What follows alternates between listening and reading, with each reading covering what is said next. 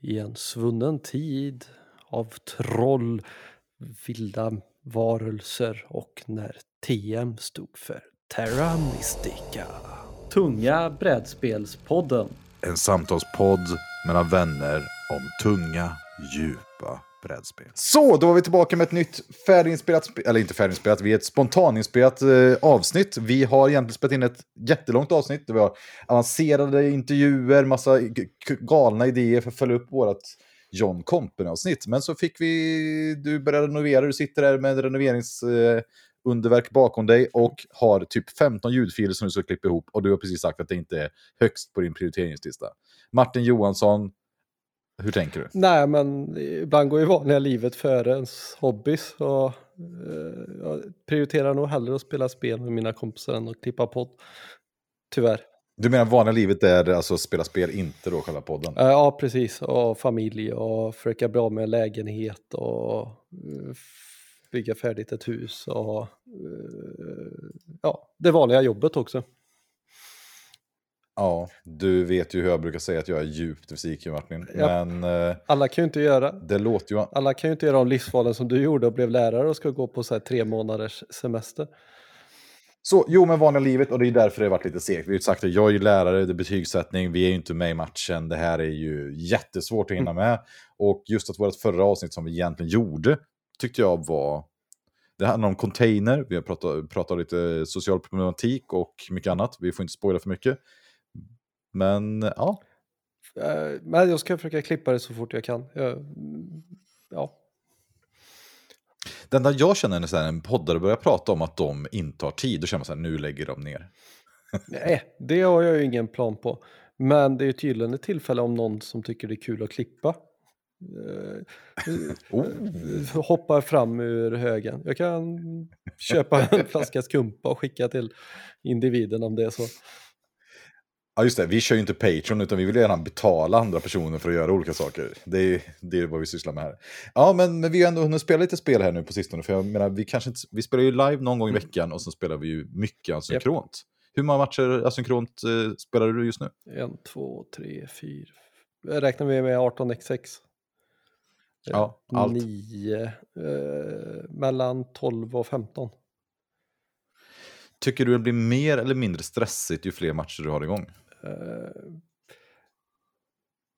blir mer stressigt om det är massa spel jag inte alls... Eller, nej, det finns en brytpunkt, skulle jag säga. Okej. Eh, är det massa nya spel som jag inte har koll på, då kan jag släppa att det här har jag inte koll på, det behöver jag inte bry mig om nu. Det får gå som det går. Just Bara det. jag överlever igenom det här spelet. Men har jag typ så här tre, fyra, tre nya spel på, då är det skitstressigt. För då känner jag att jag måste prestera. Ja just det, prestera. Okej, men vad spelar du för några nya spel just nu då? Eh, vad heter det då? Russian Railroad. Just det, Eh, det är nytt. är inte det Orgler som gjort? Lenny Orgler som även gör andra 18-spel. Kan det tror jag. Jag googlar upp det medan du pratar. För det är en worker placement vet jag som har fått mycket positiv kritik. Mm. Jag tycker det är kul och det ska jag tydligen, jag lyssnade på någon annan podd som sa att det går att tävla i. Så då tänkte jag att det här borde ju ha lite djup i sig. Tänker jag. Just det, det är Leonard Lonnie Orgler och Helmut Mm. Ohle som har gjort det. Och det, jag vet att det har ju haft en väldigt populär expansion också som inte jag har spelat. För jag har spelat det i fysisk form för några år sedan en Mm. gång. Och det kändes väldigt crunchy. Jag vet ju många gillar det. Det ja, verkar vara ett nice spel tycker jag. Jag skulle gärna spela det snart igen. För det är ju många som tycker det är kul. Jag- man är inte sämre än att prova. jag tycker det fungerar jättebra uh, asynkront också. Har du testat det nya Heta förresten som har släpptes förra året? Beyond the Sun som var många pratar om att det var 2020s bästa spel som har, finns på BGA nu och är Nej. populärt. Det har jag inte. Det är ett superstort eh, tech tree som är worker placement och man låser upp, tänk dig att man Mm. låser upp text som alla kan få tillgång till genom att ja, låsa upp den själv och sådär. Och sen ställer man sina arbetare och sen åker man runt i rymden och ska kolonisera lite planeter och sånt men egentligen är det bara ett stort tech tree och arbetare. Mm, jag, t- Två resurser finns det bara i spelet också. Rätt ja, det är intressant. gött. Eh, jag tror våra vänner har pratat om det va? Eh, på Vi snackar brädspel. Ja. Ehm, nej. men jag och uh, Typical Duck har spelat, med, spelat två gånger. Jag såg faktiskt här på BGA, för det är lite kul, Mm. att eh, han tog sin första vinst här häromdagen. Det får man gratulera till. Ja, men ändå mysigt tycker jag att man får lite sådana här notiser. För det är ganska roligt nu för att uh, typ Duck har ju dragit ihop folk på vår Discord. Vi har en Discord-kanal som är, vad är vi, 40-50 mm. pers. Och uh, det är faktiskt lite, det är faktiskt både att uh, Dennis, vår kära Tåg-Dennis som han kallar sig mm. på Discorden, postar typ varje dag mysiga bilder från olika goa spel. Och sen så postar folk om asynkrona spel som man ska mm. spela. Och eh, men det känns mysigt community helt plötsligt. Jag har fått massa däng i massa olika ja, spel. Ja, det är gött. Det kan ju du behöva. Du brukar ju vinna i våran vanliga umgängeskrets så du kan ju behöva lite motstånd. Ja, det känns ändå... Jag tycker inte alls jag behöver ha så mycket motstånd. Jag tycker det är precis lagom. Eh, men, men, men, vi spelar ju in the, year, in the year of the Dragon av uh, Stefan Fält, alltså en tidig design från honom som är... Du, den har mm. du spelat en gång. Det där med svälten ja. och... Det är typ, vad kan det vara? Man spelar ja, ett år och sen är det tolv faser som är månader och sen så är det olika månader som är olika saker och alla är dåliga i mm. princip. Mm. Det är liksom folk som dör av svält, du måste betala skatt, eh, det kommer mongo mongo mongoler och invaderar och det är liksom misär alltihop. Ja, det jobbigaste jag kommer ja. ihåg i det spelet var så här bara okej okay, nu har jag fuckat upp de fyra närmsta runderna. Hopp! ja. Ja, riktigt brutalt ja. alltså. Jag spelar ju med min barndomskompis eh, Joakim Dahlqvist mm. som har ju blivit eh, involverad nu i vår grupp och Lunentotten som heter, heter mm. Måns. Och eh, det var ju, man, ja, alltså när vi två spelade kände man ju så här, okej okay, det här spelet kan man må bra på. Och sen så såg man han kom in med en massa rankingpoäng i BGA och man bara, ja, det här kommer nog inte gå bra. Nej, det gjorde inte det. en av matcherna slutade med att jag, man skulle liksom anställa folk och man har så här, typ, de som gick bra hade ju så här 8 till 12 pers mm. när spelet var slut. Jag hade noll personer kvar. Alla dog. det var så jävla gött. Men jag tog en vinst i den när jag spelade mot Typical Duck och Jocke. Mm. Och sen efter det har inte jag spelat. Jag bara, nej, nu är det tillräckligt för mig. Nej, super, alltså gillar man spel som är supertajta och man får tänk, planera för spelet från början, väldigt strategiskt spel. Och sen måste man ju vara taktisk och spel också. Väldigt alltså, så du, simpelt. Så GVT alltså? Svårt. Ja, fast om man tänker sig att med GVT så tog man bort alla de här tramsiga grejerna med kossor och allt så extra krom. Det är mycket, mycket mindre. Man väljer en action. Så här, varje gång ens tur så får man välja en action och de liksom ligger i olika högar kan man säga. Att det finns, jag tror är åtta actions och så ligger en trehög, en trehög och en tvåhög. Om du ställer en trehög, så det finns tre olika actions, så kostar det tre spänn extra för någon annan person att ta en av de tre olika högarna. Eller en av de tre actions i den högen du ställer dig. Så det är typ som att du vet att någon vill ta pengactionen du vill själv inte ta den, så du vill inte blockera den. Men om du tar en av de actionerna som ligger i den högen, ja. så blir det fortfarande dyrare för den personen att ta den actionen. Då är jag med på det. Vilket gör att eh, det är väldigt interaktivt. Ja. Ja, intressant spel alltså. Det... Men vad har vi spelat mer då sen sist? Vi har provat massa konstiga olika om XX. Något som vi har hållit på med snart en månad va? Vad heter det då? Uh... Oh. Uh, 18 hertzspann. Ja. Och, ja. och vi har ju, och som är från Mayflower. Mm. Derail-podden som vi gillar båda två, mm. den, de har vi för mig att de gillar 18 hertzspann. Jag tror säkert det är ett jättebra spel, men hur mycket förstår du av det spelet än så länge? Nu tror jag jag börjar förstå det. Uh, jag har bara köpt fel aktier och måste börja sälja av tåg för att driva spelet framåt så spelet någon gång tar slut. Men det är inte jag som vinner på det, men jag vinner nog inte i det spelet hur jag än gör. Så. Nej, och sen kan man väl tänka så här, om man ska ta ett steg tillbaka, att vi spelar spel som vi inte kan reglerna till, som är komplexitet enligt BGG, som är en dålig skala, men ändå. Att den kanske har 4,2 eller någonting. Ja. Och sen tänker vi, ah, det går nog att lösa utan att kunna reglerna.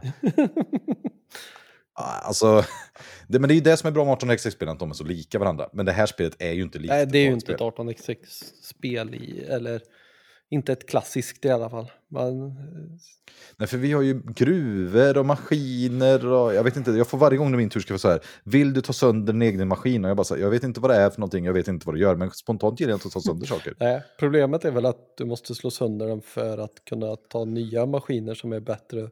Och så jo, får men spelet skulle jag ha switches och maintenance och jag, ingen aning. Alltså, jag, jag vet bara att jag förlorar mycket på det. Ja, det känns som ett hårt spel. Vi har ju börjat Men... provspela också, vad heter ja. det, 18 Irland. Det känns ju som att det kan bli riktigt bra alltså. Jag hoppas ju det. Jag har fortfarande inte fattat någonting Nej. spelet, men eh, jag tror mycket på det. Jag lyckades, jag lyckades starta ett bolag, trodde jag skulle kunna få köpa ett tåg. Fick inte köpa det tåget för att Det fanns en i discarden, en dålig, det sämsta tåget. Oh. Fick jag köpa. Ja, ett hån. Ja, precis. Ja, det har jag köpt en sån också. Den var jag lyckades bra. köpa in alla, vad heter det, alla mina privates och sen dumpa allting på ankan så det känns bra.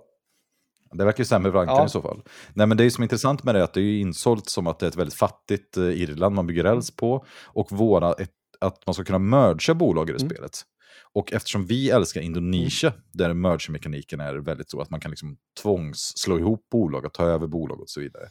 Så är man ju alltid ganska pepp på spel där man kan mergea med varandras bolag och någon, den andra inte riktigt kan säga till något. Ja, det här är definitivt, det här, det, det här borde kunna bli det bästa 18xx eh, på hur det är presenterat för oss. Ska jag berätta en rolig överraskning för dig Eh, kanske? Ja. Ja, jag har köpt Oh. det. Vi har det hemma. Har du köpt det som till våran podd eller har du köpt det själv? Eh, Jag tror jag köpte det till någon av våra hemliga organisationer. Ja, det är nice. Men så vi har det i, vi har det i Trestad. Ja. Så det ska ju vara bra 56 spelare. Eh, Typical Luck skriver här nu på, för han hänger här på våran, för vi livesänder ju då, det är ingen som vet om det, men vi livesänder ju. Han skriver ju att han har köpt Beyond the Sun faktiskt och spelat det riktigt mycket. Och, ja, men det känns nog som att eh, det kan... Jag, det jag undrar lite när jag spelar det bara frågan är hur interaktivt är det egentligen? Alltså, är det mest som att man ska hinna först till olika saker? Ja, jag tycker det verkar vara, jag tycker det verkar trevligt. Jag kan absolut tänka mig att spela det mer gånger. Ja, det, men man får ju spela med det asynkront och inte ha riktigt koll. Då är, spelar det bara tre gånger är nog fyra gånger för lite. Ja, faktiskt eventuellt. Vet du hur många asynkrona matcher jag är igång samtidigt just nu då? Jag tror 37. Ja, jag, rä- jag var ju besviken här. Jag gick på toaletten här i lördags och sen bara sådär, fasen jag in, kan inte göra något drag. Vad är det som händer? Tänkte, hur många matcher ska man behöva spela här egentligen? Så jag bara tänkte, jag har ändå ganska många igång. Så funderade jag på, men hur många har jag då? Så räknade jag. Och tänkte, ja, kolla på 18 6 matcherna. Nej, det var inte så många. Ja. Sen hade jag 43 matcher igång samtidigt. Alltså för jag har på riktigt 43 matcher. Så jag spelar en turnering 1830, jag spelar en turnering 1861. Eh, båda två är väldigt svåra spel får jag säga. Älskar ju 1830 som jag pratade om på podden förut, ett originalspelen. Cleant 61, lite friare, större ekonomisk sandlåda. Ja, man är mer, man, 1830 så dör man, 1861 är man för ineffektiv. Och på ett kapitalistiskt spel vet man ju att det är också döden. Mm. Men, eh, spelar 7-8 matcher GVT nu. Eh, spelar eh, Marco Polo, Teotihuacan, Madeira, Puerto Rico och typ 7 eller 8 Terra Mystica Det samtidigt. är ändå bra. Och lyckas Ah, ja, och inte få absolut. ett enda drag i något av dem. Det är bra jobbat. Besvikelse alltså. Man, man så här, känner, det kan ju vara så att man till och med gick in på toaletten och tänkte man så här, kan jag hålla mig en halvtimme så jag har något drag på mig och gör något där. Men jag undrar hur många spel man skulle behöva igång för att typ nästan spela brädspel dygnet runt. Det är nog ofantligt många, eller spela med väldigt många likasinnade. Ja, för jag är ju ett stötvis tid. Jag tänker kanske, undrar om man skulle ha igång 150 partier. Liksom. Hur många? Ja, Eller så skulle det bara bli att du har, eftersom man har, okej nu har jag en timme, nu får jag göra alla drag i alla spelen. Och sen så om 12 timmar kör jag en gång igen och då får jag köra lägga till en. ja men jag tänker för vissa spel spelar man ju ett, två drag per dag. Och vissa spel, Mm. när vi spelar i vår lilla mindre grupp, så hinner vi ju typ fyra drag på en timma ibland. Liksom. Fem kanske. Ja, det är väldigt stor Mm. skillnad alltså. Vad, vad tyckte du om, eh, vilket spel tycker du är bäst asynkront då? Om man ska tipsa någonting, för vi pratade om fram och tillbaka och det ändrar sig lite tycker jag där. Ja. Eh, jag gillar nog fortfarande grund 18xx-spelen. Ska jag säga. Art, Nej, jag trodde du skulle säga något annat. Okej, ja, vilka, vilka grundspel i 18 ja men typ 1830 är ju jättebra. Eh, Jag tror det handlar... Men är det inte jobbigt med den stockmarket när man bara säljer, så här, okej nu säl- sålde jag den här aktien, så får alla bara pass, pass, pass, ja, det är pass. lite segt. Och så bara säljer den här aktien, pass, pass, pass, pass, pass. Och sen bara en, två, en vecka efteråt, okej då är vi färdiga med Ja, det håller jag med. Men eh, GVT tycker jag har hållit sig förvånansvärt bra. Uh, asynkron. Men där tycker jag expansionen gör det roligare. Jag spelar hellre expansionen asynkront än... Ha, håller med. Men. Skulle vi sätta oss ner en kväll och vi ska spela GVT, då tror jag jag varit lite besviken om vi spelade expansionen och inte originalet. Kan, kan du inte utveckla det då? Var, var, varför är det så? Ja, men för det som är tråkigt när man spelar GVT live, det är att det blir för Ja. mycket dödtid. Och Mm. jag, alltså nu har jag inte spelat expansionen mer än en gång, men det blir så himla många mer val. Och de valen blir lite lösare, eller hur man nu ska säga. Grundspelet är ofantligt tajt, alltså man, jag tror jag spelar, gör jag två drag ooptimalt så kommer jag inte vinna i våran spelkrets. Nej, det har blivit rätt tufft den här, de här GVT-matcherna alltså. Och jag känner inte likadant i expansionen. Där har vi nog fyra drag Nej, det- kanske som man kan så här götta sig lite i och göra de här äh, extra grejerna som man inte hinner med i grundspelet. Ja. Ja, nej, men det, jag, jag tycker jag håller med analysen här alltså. Just att expansionen är ju ganska mycket, lite mer parallellekkänsla över, eller s- multiplayer solitär som vi kallar det. Men, Mm. men det är också ganska roligt, den är lite uppfräschad. Jag lackade ju på den förut, men nu har jag testat alla möjliga olika strategier och det har ju gått ganska bra. Mm. Så ja, nej, men det är kul ändå. GVT håller alltså. Jag tr- trodde man skulle bränna ut på det, men jag tycker... Ja, det är nog mitt favoritspel asynkront just nu. ja, mitt med. Det är dock lite jobbigt att hålla isär spelen tycker jag. När man spelar många samtidigt, som nu när jag spelar sex stycken Ja, samtidigt. jag har ju, Det är här, var det det? där kör, du? jag kör ju bara två. Ja, ja men det, är, ju- det tyckte jag var klart mer njutbart. Och det jag upptäckte också att vissa spel, man kan ju skapa då, man, det är väldigt bra hemsida, det heter Board Game Fiesta som är någon slags, den är bara eh, inspirerad av Great Western Trail, men det är exakt kopia. Eh, och där kan man ställa in massa bra förutsättningar för att spela, att, eller inställningar. Man kan ha att man ser alla sina kort i, i draghögen, kan man titta på det man vill. Man kan se alla sina kort i slänghögen, ja det är kanske inte så konstigt. Vad är det mer man kan se? Ehm, typ, ja, det, är, det är väl framförallt att man kan se, ko- kolla vad man vill i draghögen. Och jag märkte nu att när jag, någon hade ställt in att man, som man inte kan göra, som i, vi spelar ju så i verkligheten också, att man får kolla sin riktiga lek och sen blanda Mm. om när man vill. Men jag märkte när man spelar sex partier samtidigt, och man bara säger, okej, köpte jag en lila kossa här, eller var det två treor jag köpte här? Mm. Det är ju rätt jobbigt om man inte kan kolla i sin eh, draghög. Ja. Helt ospelbart, ska jag säga. Jag tror det spelet har varit mycket bättre om man spelade med öppen draghög. Det har vi ju pratat om förut Ja, också. det- Det måste vi ju prova i sommar när vi faktiskt kan träffas på riktigt. Men kan du inte berätta då, var, varför har vi tänkt så här? Det är ju någonting du och jag till varandra och pratat om. Var, var, Nej, men vi, det är ju det jobbigaste slumpelementet som gör att man inte kan planera spelet tills leken har gått igenom. Man måste ställa sig på onödiga ställen bara för att cykla sin lek. Och mm, det finns inga, om vi nu pratar medic-termer då, det finns ingen tuta som kan göra att du letar upp den kossan du vill ha. Det hade jag tyckt varit en okej lösning. Eh, Ställ dig här, du får plocka upp den här kossan till handen. Det kan ju vara så här, ja, okej, men nu är spelet, nu är det 25% chans att jag förlorar där, 75% chans att jag vinner där. Ja, det var 25%, jag drog fel kort, så nu kommer jag trea.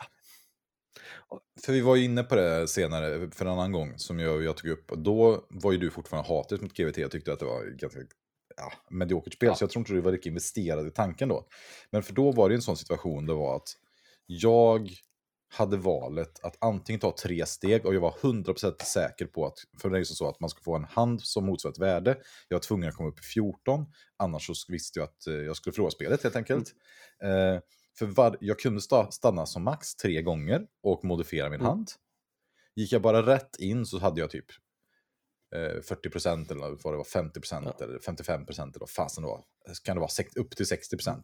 Men om jag skulle göra det, stanna de här tre ställena så var det 100%. Och problematiken blir ju då att eftersom när vi spelar börjar bli så bra så gör de tre stegen så automatiskt förlorar jag. Mm. Om jag tar, tar de tre extra stegen. Och då är liksom en 70% chans till exempel, är, den måste man ta för att vinna spelet. Ja, Så jag säga, i vissa fall. Och, ja, det är tråkigt att förlora på det. Är ett helt strategiskt spel, tycker jag ja, själv. ja, jag också. Jag tycker det är... Det ger inte mig någonting. Då spelar jag hellre mycket, mycket mer slump. Jag kan spela jätteslumpartade spel, det har jag inga bekymmer med, men när det bara blir lite så känns det så fel. Ja, och vi är ju generellt, vi är ju friskt, fläck, friskt vågade vad gäller egna varianter och husregler och allt vad det är. Och nu måste vi spela Great Trail snart över 100 gånger Ja. tror jag. Det känns som det, 50 Mm. gånger i alla fall. Och vi provade ju aktion från början, det kommer vi aldrig spela Nej. utan. Det är ju helt givet att spela med. Och vi får testa att spela med öppen draglek. Jag tror ju spontant att det bara kommer bli bättre Ja. spelet. Ser inte riktigt problematiken. Jag ser inte att någon strategi skulle bli egentligen sämre eller bättre som skulle bli problematiskt. Det är lika för alla. Ja, Ja, ju- vi har ju spelat två andra nya spel som vi eventuellt kommer att ha olika poddavsnitt på. Eh, Du är ju starkt drivande av båda här, så jag tänkte att du får presentera något av eh, det. jag tar Le Harp då. För jag vet inte vad det andra är Ja. så, som du håller på att prata om. Nej, och vad säger du om Le Havre då? Vi har äntligen Åh, spelat så det. underbart. Vi har spelat det tre, fyra gånger. Ja. Vi har spelat en gång på fem, en gång på fyra och en gång på tre va? Just det, där vi började på fem, så gick vi till fyra, så gick vi på tre. Ja. Ja, vad, kan du, vad har vi för tankar om det här då än så länge? Ja, gud alltså det är ju UV i sitt finest hittills i alla fall. Vad du gillar med det då, så mycket? För det märks väldigt tydligt tycker jag när vi spelar att du tycker om Ja, det men jag, mycket. jag är UV-fan. Det, det är inte ofta jag brukar säga bara det här kommer jag gilla bara för att det är designern som har gjort det. Jag brukar skita fullständigt i vem som gör spel i normala fall. Där är aha, alltså, eh, arten är helt underbar. Ehm, och tankarna runt om saker och ting, hur saker och ting är balanserade på ett så pass jobbigt sätt. Du har nästan alltid för lite för att göra det du vill. Så du måste göra Mm. uppoffringar för att kunna göra det du tror är bäst. Ja, Jag gillar ju temat liksom att man är i hamn, håller på fartygen och sånt. Och sen fylls det på med resurser och man ska skaffa, bygga sig en egen tablå på något sätt. Kan man göra, verkar vara en strategi. Och just den här jäkla fisken som alltid finns där. Det känns som en rolig grej som man har hört när man läser de här recensionerna och sådär. Men det är verkligen en sak. Liksom. Helt plötsligt ligger det tolv fisk där. Man bara, är det nu det är dags? nu tar jag fisken. Man, Nej, ta inte fisken, det är bluff. Jag vet inte, det ska bli kul att få spela vidare Ja. tycker jag. Och så eh, till skillnad från vissa av oss andra spel, mat känns inte som att det är ett överdrivet hemskt bekymmer i det här som det i Agricola kanske. Nej, men ganska jobbigt ändå. Ja, men det, jag skulle kunna säga, skulle säga det också, det är inte lika löst som det är i Caverna. Nej, håller. Caverna är ju lite som Nej, jag- att gå med skorna eh, löst knutna.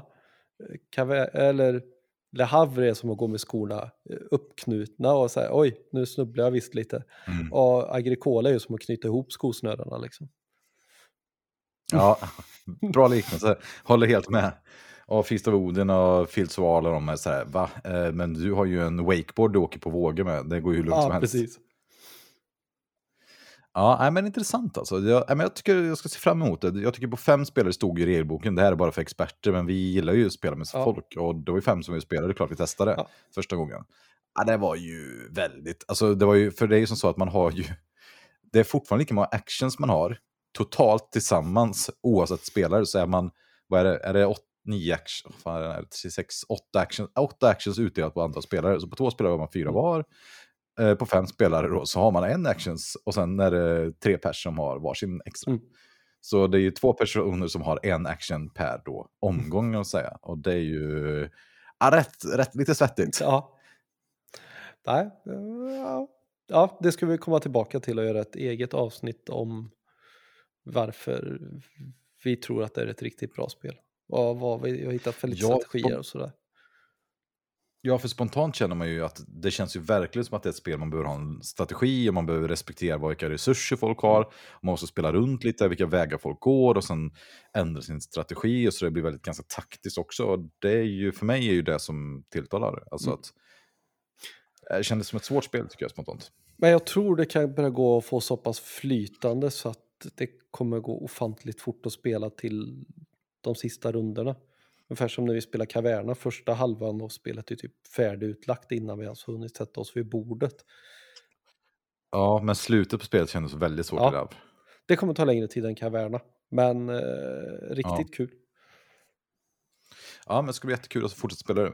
Jag har ju något annat som jag har ju skrytit idag. Jag fick ju reda på att min 1830-liga här, som jag håller på att kämpa på, alltså det är ju, jag har varit vansinnig flera gånger. Du kan tänka asynkront, folk spelar enligt olika premisser, mm. det är turnering, vilket innebär att går någon bra första matchen så kommer den alltid förlora de andra, för då kan man alltid bankrutta folk i 1830. Ja, jag fick ju vinna nu en match. Det är en som har sagt att jag har vunnit och de har gett upp. Mm. Men då är det någon, ah, de kan alltid sälja tåg till varandra och sådär. Det är jäkligt bogus. Men jag har ju fått ett GG från en som tydligen är någon sån här brädspels-VM-mästare som åker runt och äger massa. Ja, det blev man ju nöjd av när man såg det. Han skrev en kommentar, aldrig sett någon vinna en 1830-match utan permanenta. Det är nice. Nej, det är mm. nice. Det är 18 off the, vad heter det, chess off the rails-taktiken. Mm. Den här, okej, okay, jag lägger mig i den här positionen, den där personen, den där andra personen kommer nog alltid bankrutta för ja. mig. Vi kör på det. Jag vet, någon som hade högt aktievärde, man själv ligger liksom back of the ja. pack i mitten ja, bara, så här, det här känns tryggt. Jag bara betalar ut och sen hoppas på det bästa och sen ja, jag vann visst. Ja. Riktigt nöjd alltså. Men du pratar om ett annat spel som jag har spelat. Ja, vi pratade på podden här förutom att vi ska spela lite krigsspel. Vi har köpt hem Maria, Friedrich eh, och lite andra spel. Eh, vi spelar ju Twilight mm. Struggle, Imperial Struggle, men vi har ju också spelat Coin-spelen. Och vi har ju spelat Distant Plane förut, som vi sagt är vår sämsta brädspelsupplevelse någonsin tack vare lite halvdåliga regelkunskaper, Martins bakfylla och att det tog typ 12 timmar. Ja, du var inte så fräsch heller den dagen. Nej, det är jag sällan, men eh, jag var inte helt pigg heller, det stämmer helt. Och nu fick vi, du har ju blivit inbjuden av Jon, mm. att spela Fire in the Lake, alltså Vietnamkriget, eller vad man ska kalla det, Vietnamkonflikten från fyra olika perspektiv vi spelat en kväll och jag sa jag vill inte spela i maj, ni tvingar mig att spela i maj och eh, nu är maj mm. slut. Mm.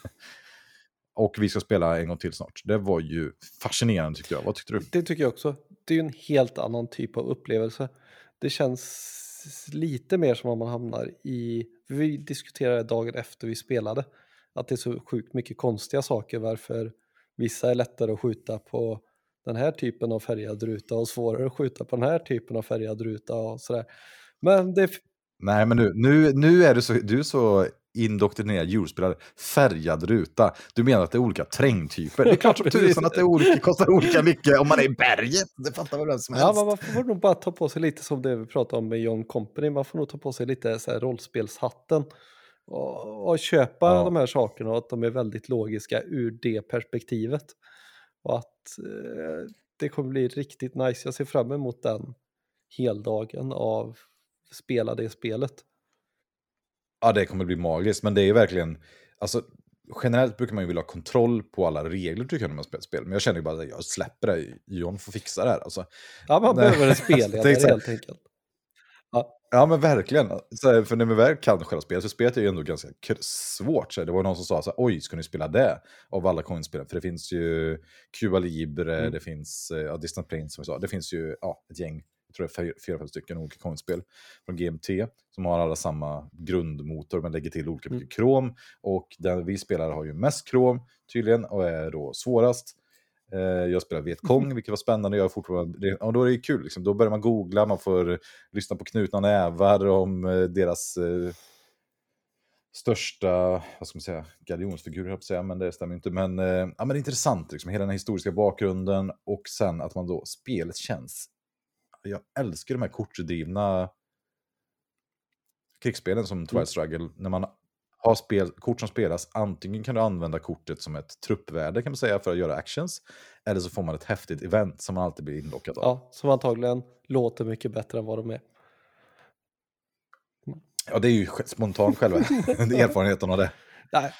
Nej, det kändes svårt. Och intressant och roligt. Men det är ju ett sånt spel jag inte kommer att vara ledsen om jag inte vinner när jag går därifrån. Nej, det kommer ju verkligen inte spela någon roll alls. Men det kommer varit kul hela vägen. Och det kommer ju alltid vara kul om man, ja. det är alltid lite roligare om man vinner, så det är inte så att man vinnarskallen försvinner ju inte helt, men ja, det är inte det viktigaste.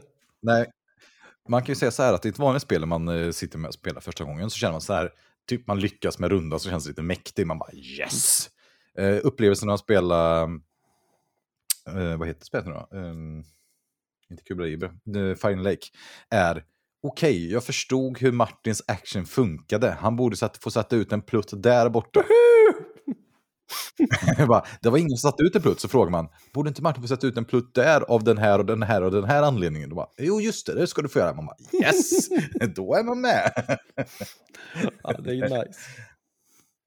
Men jag tyckte John, John sa det så himla bra. Han sa det bara, okay, alltså att anledningen till att BGG och Eurospelen har max 5 i komplexitet, det är ju för att eh, 6, 7, 8, 9, 10 är sparat till eh, krigsspelen. ja, det är nog en helt egen värld alltså.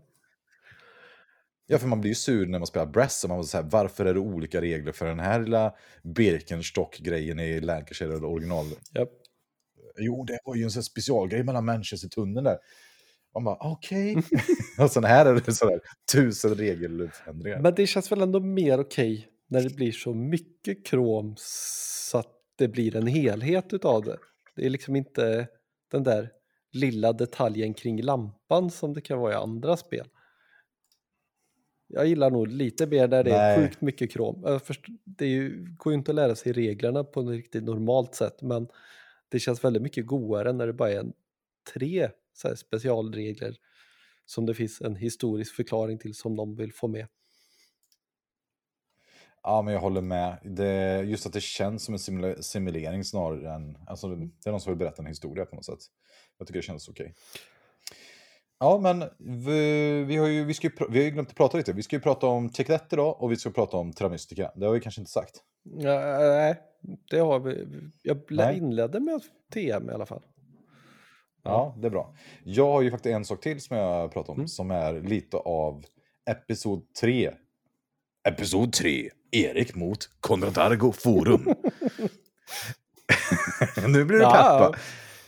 Har du varit ute och inte Alltså, det var ju så här att... Uh, nej, men jag har inte krigat någonting, men jag bara... Intressant iakttagelse, mm. enligt mig själv. Um, det är som så här att... Uh, nu kollar jag här för vad typ världens mest populära brädspelsdesigner heter. Isaac Childress. Mm. Vet du vem det är? Nej, jag vet aldrig nej, vilka någon är. Nej, nej. nej. Nej, det är han som designat Gloomhaven ah, i alla fall. Okay. Och även har antagligen gjort en av de mest eh, framgångsrika Kickstarter någonsin i Frosthaven. Mm. Och det är ju det ja, nya utgåvan som ska komma, jag tror det nästa år. Med, eh, ja, det gick jättebra och de har massa pengar och de har nu lagt pengar på en, vad de kallar, nu ska vi se, åh, nu kommer jag inte ihåg ordet eh, om det var typ en kulturell coach. Eller något ja, där hörde jag något om. Ja, och då postade Steven Nyberg eh, på Contodargo, som för övrigt jag har faktiskt bott med en gång i tiden i kollektiv i Bergsjön i Göteborg 2005. Mm. det är kul, för jag vet inte om han kommer ihåg mig det gör han säkert. Han vill inte scanna. Skitsamma. Eh, han postade i alla fall en eh, uppdatering om att eh, den här stora Kickstart-kampanjen har gjort en stor uppdatering, nyhetsuppdatering, om, som handlar om det här och handlar då om att i spelet så har de använt ordet ras mm. för att beskriva de olika eh, lagen, eller vad man ska kalla det, olika man kan spela och sådär och eh, konstaterat i, med hjälp av sin, eh, att de har hyrt en sån här kulturell manager, profile person, ja, vad det heter på engelska. Någon helt enkelt som ska fundera på, är det massa ja, kränkande stereotyper och så vidare i det här spelet. Och eh, han postar helt enkelt helt sonika bara om att det här var en uppdatering om spelet och att de tog upp det ämnet, mm. alltså att det handlar om rasism eventuellt och ja, whitewashing och de här grejerna. Varpå posten blev nedtagen på Conrad forum. Det var ingen dålig ton i den här posten. Alltså, inga dålig, alltså ingen dålig stämning eller någonting. Utan moderatorn Martin skrev bara att den här typen av poster brukar kunna skapa dålig stämning. Och därför tar vi bort den. Ja, det är, ja, men... Eh, jag vet inte vad jag ska säga. Man blir ju less och jag... Ja, men alltså det måste väl finnas något slags nyhetsvärde i att världens största Kickstart-kampanj postar någon sån här ny grej inom världen. Alltså, det har väl aldrig hänt att någon anlitat någon sån här person förut och kommit fram till de här grejerna. Um, Sen är det ju konstigt att folk faktiskt inte har gjort det tidigare. Ja, men vadå, det, allting kostar ju pengar. Det ja, är väl så är det ju. en anledning, tänker jag. Konstigt tycker jag nog inte det är, men det är kanske, ja, men jag, jag tyckte i alla fall det var anmärkningsvärt. Jag tycker det är helt sinnessjukt att man kan ta bort trådar innan någonting har hänt överhuvudtaget. Och när, det var inte heller något så här, oj, kolla vad bra det här var, utan det var bara någon som postade intressant och de tar upp det här. Ja. Liksom, väldigt sansat, trevlig diskussion. Um, ja, jag tyckte det var superintressant. Jag hade inte sett det annars om inte han postade det. Jag har säkert hört det i någon av mina poddar. Brain Men det som är intressant är... Bland annat. Mm, jag hörde det också att de tog upp. Gamebrain är en podd som vi följer båda två och den är ju bra. Och eh, det som är intressant är väl här, för det är därför jag tänkte ta upp det, att vi ska prata Terra Mystica Mm. Och spontant har ju folk i många gånger pratat om olika, att man spelar olika raser. Mm. Och vi i Sverige, nu pratar jag som vi i Sverige och jag känner att jag kanske inte pratar för alla, men jag är, jag är 80-talist och jag är uppvuxen med, jag tror det var någon gång på 90-talet, det var en stor push i Sverige mot eh, högerextremism. Mm. Det fanns en kampanj som hette Vi glömmer aldrig, vad hette den? Som handlar typ om förintelsen och man skulle alla i mellanstadiet fick se Schindler's list Mm. och sådär. Det var en stor... Jag vet inte, var du med någon? Fick du göra någon av de här grejerna? Ja. Jag känner igen allt det. Ja, det var ju fru... Ja. ja. det var ju inte den roligaste tiden i ens högstadie eller men- Jag hade massa andra klasser och skolor runt omkring Vänersborg som fick åka till, vad heter det då, Eh, Auschwitz och sådana där saker Ja, som ja. klassresa. Ja, men just att Västsverige var ju väldigt plågat av... Eh... Jag är ju född i Karlsborg, vi var ju jättenazistfäste och sådär. Eh, så, och därför är jag ju väldigt sådär inlärd att man pratar inte om ras. Alltså ras är någonting, det måste vara väldigt stor skillnad mellan två stycken individer för att man ska kunna prata om ras. Mm. Medan, medan i USA är det ju inget konstigt, att- eller konstigt, det, det har ju varit ganska okontroversiellt under lång tid, som jag förstått det, att man pratar om races i, ja, att det finns olika, ja du vet, är man eh, hispanic så är man en annan ras till exempel. Ja, precis. Men det här är rätt kul. Jag lyssnade på någon, ja, någon podd om någonting, bla bla bla i alla fall. Det handlade om Linné, eh, den där goa Just det, gubben från liksom. det. Mm. Eh, och varför, om man öppnar kurslitteratur som jag förstått det någon annanstans än i Sverige om Carl von Linné så förklarar den varför Carl von Linné ville ha raser till. Det var för att kunna upprätthålla den rasismiska strukturen och kunna bygga på den så man kan bygga ett klassamhälle. Det, det är så här världskänt överallt utom i Sverige för här är han ju bara bra för han kunde så här artbestämma Ja. blommor. Eh, ja, det, det, ja, jag har aldrig hört det innan, jag tycker det, här låter ju... jag ska se om jag hittar det så Eh, ska jag ja. länka den till dig och eh, Ja, men det får vi lägga, det är ju Ja, fantastiskt. det, men det var helt sjukt. Mm. Eh, Jag har inte hört det heller för det här och det verkade ju jättekonstigt. Så jag kan förstå att det är problematiskt ur ett annat sammanhang. Ja, och just, just det du säger är ju, för det är det som är anledningen till, tänker jag, att vi har fått lära oss att vi inte pratar om Mm. ras. Att om man nu tänker sig att vissa egenskaper är medfödda så kan man helt plötsligt börja värdera folk efter olika Ja. egenskaper som förmodas då vara medfödda och inte kunna Mm. ändras. Eller hur det, nu, hur, hur det kan vara. Och att det skulle vara nog extremt stor skillnad mellan eh, olika personer med hudfärg eller olika typer av drag eller Mm. vad det nu skulle kunna vara. Män och kvinnor eller ja. Jag menar, det är ju som att hävda att män och kvinnor är olika Ja. raser. Det är för mig och de flesta andra tror jag i Sverige som växte upp under den här tiden så tycker vi att det är väldigt, väldigt kontroversiellt. Och Ja. därför så menar de på med er just då Frosthaven att det är kontroversiellt att använda rasbegrepp mellan person, me mellan olika till exempel som är humanoida varelser Mm. eller tror det var ungefär så. Det finns i alla fall en jättebra uppdatering att läsa på deras Kickstarter-kampanj om man är intresserad tycker det är intressant, för den var väldigt lång och väldigt eh, ja, men, eh, tankvärd och intressant. Man behöver inte hålla med om allt, man kan hålla med om lite eller inte alls. Men den var fortfarande läsvärd, vilket jag uppskattar mycket. Det är inte varje gång man läser en brädspelsnyhet som har vad man säga, ett djup som gör att det är intressant att läsa, tycker inte jag. Nej, det måste jag hålla med om. Och då ska vi prata om våra, det som är i våra egentliga samtalspoäng idag. Som vi har gått och funderat under lång tid och kommer från en stor diskussion vi hade förra sommaren. Som är, vad är Take That? Ja, vill du ge dig på att försöka definiera detta? Nej, men jag ska, vill du? Eller ska du Nej, först? du. Jag brukar alltid få först ut. Okej, jag har tänkt en del på det här och jag... eh, Så här resonerar jag. Först när jag ska försöka ta reda på vad jag tror att en, de, en definition för mig är så funderar jag på det här. Okej, Take That är någon slags... Eh, ja, nu kommer jag direkt in i problematiken. Take That spontant för mig, om jag bara tänker, bara utan att försöka dra in massa problem, är att det händer någonting i ett spel, någon person drar ett kort som står eh, döda tre trupper på spelplanen. Mm. välj en spelare.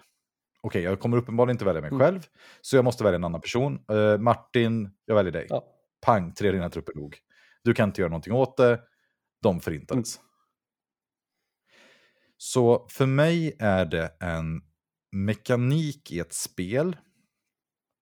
Ja, ja, det är en mekanik i ett spel som en annan spelare inte kan påverka. Japp. Och personen måste välja mellan olika spelare som det här utförs på. Eller att det inte går att välja alls, utan man bara drar och sen dör det för någon person helt slumpvalt. Och att det är så kallat arbiträrt. Alltså det går inte att påverka, man kan inte, det är inget val, det är inget sådär. Och då är det... Och att man... Ja, det är min, det är min definition av det. Men, jag ska säga att det vårat stora... Eller du kan... Du, sä- säg innan du får säga Ja, men jag tänker så här, jag håller inte fullt ut med det här. Jag håller med nästan hela vägen ut. Jag tänker ändå att det finns Mm. take that-känslor som ändå är en del av en strategi, men du kommer inte veta om dem första gången du spelar spelet. Okej, får jag göra en passus här nu? För du tog precis upp den saken jag tänkte problematisera och ta upp som jag vet många andra tycker. Mm. Eller vill Ja, du... kör. Ja, just att du sa en take that-känsla. Mm. Och då är ju här nämligen den stora problematiken. Här frågan är, så här. är take that en mekanik, ett spel eller en upplevelse? För det är ju så jag försöker bryta ner olika saker. Alltså, är det någonting som jag, jag får en känsla av ett spel när jag spelar? Eller är det så att säga liksom att... ehm, som att jag draftar ett kort och ett kort kommer till mig och sen jag får välja mellan olika kort, det är en mekanik. Och sen vad jag känner om det, att det kan vara djupt, det kan vara intressant, det kan vara ledsamt, det kan vara roligt. Det är något annat. Men jag- mm, jag tänker att det kan nog vara två saker. Eller kan inte livet vara det? Nej, det här är binärt. Antingen eller. ja, det Däremot kan det ju vara en mekanik som ger vissa känslor, som till exempel tågrostning i 18XX-spelen. Du köper ett tåg som bränner andras s- Ja. tåg. Men den tänker jag, den är ju alla fullt medvetna om. Ja. Om man hade lärt ut. Okej, för du, jag, jag hör att du vill ha in den här kontrollkänslan, typ att man kan veta om och planera för den. Typ. Så är det. Men om jag säger Nej, så här, då, för när tänker vi att- pratade om det i somras. det jag tänker är, i 18xx är det inte eh, en take that-upplevelse. För det är uppenbart för alla att det här kommer hända. Om du har en lek på 200 kort, ja, visst du kan ju få sitta och läsa igenom dem innan, men du kommer ju aldrig komma ihåg dem. Och några av de här korten kommer göra helt bisarra saker.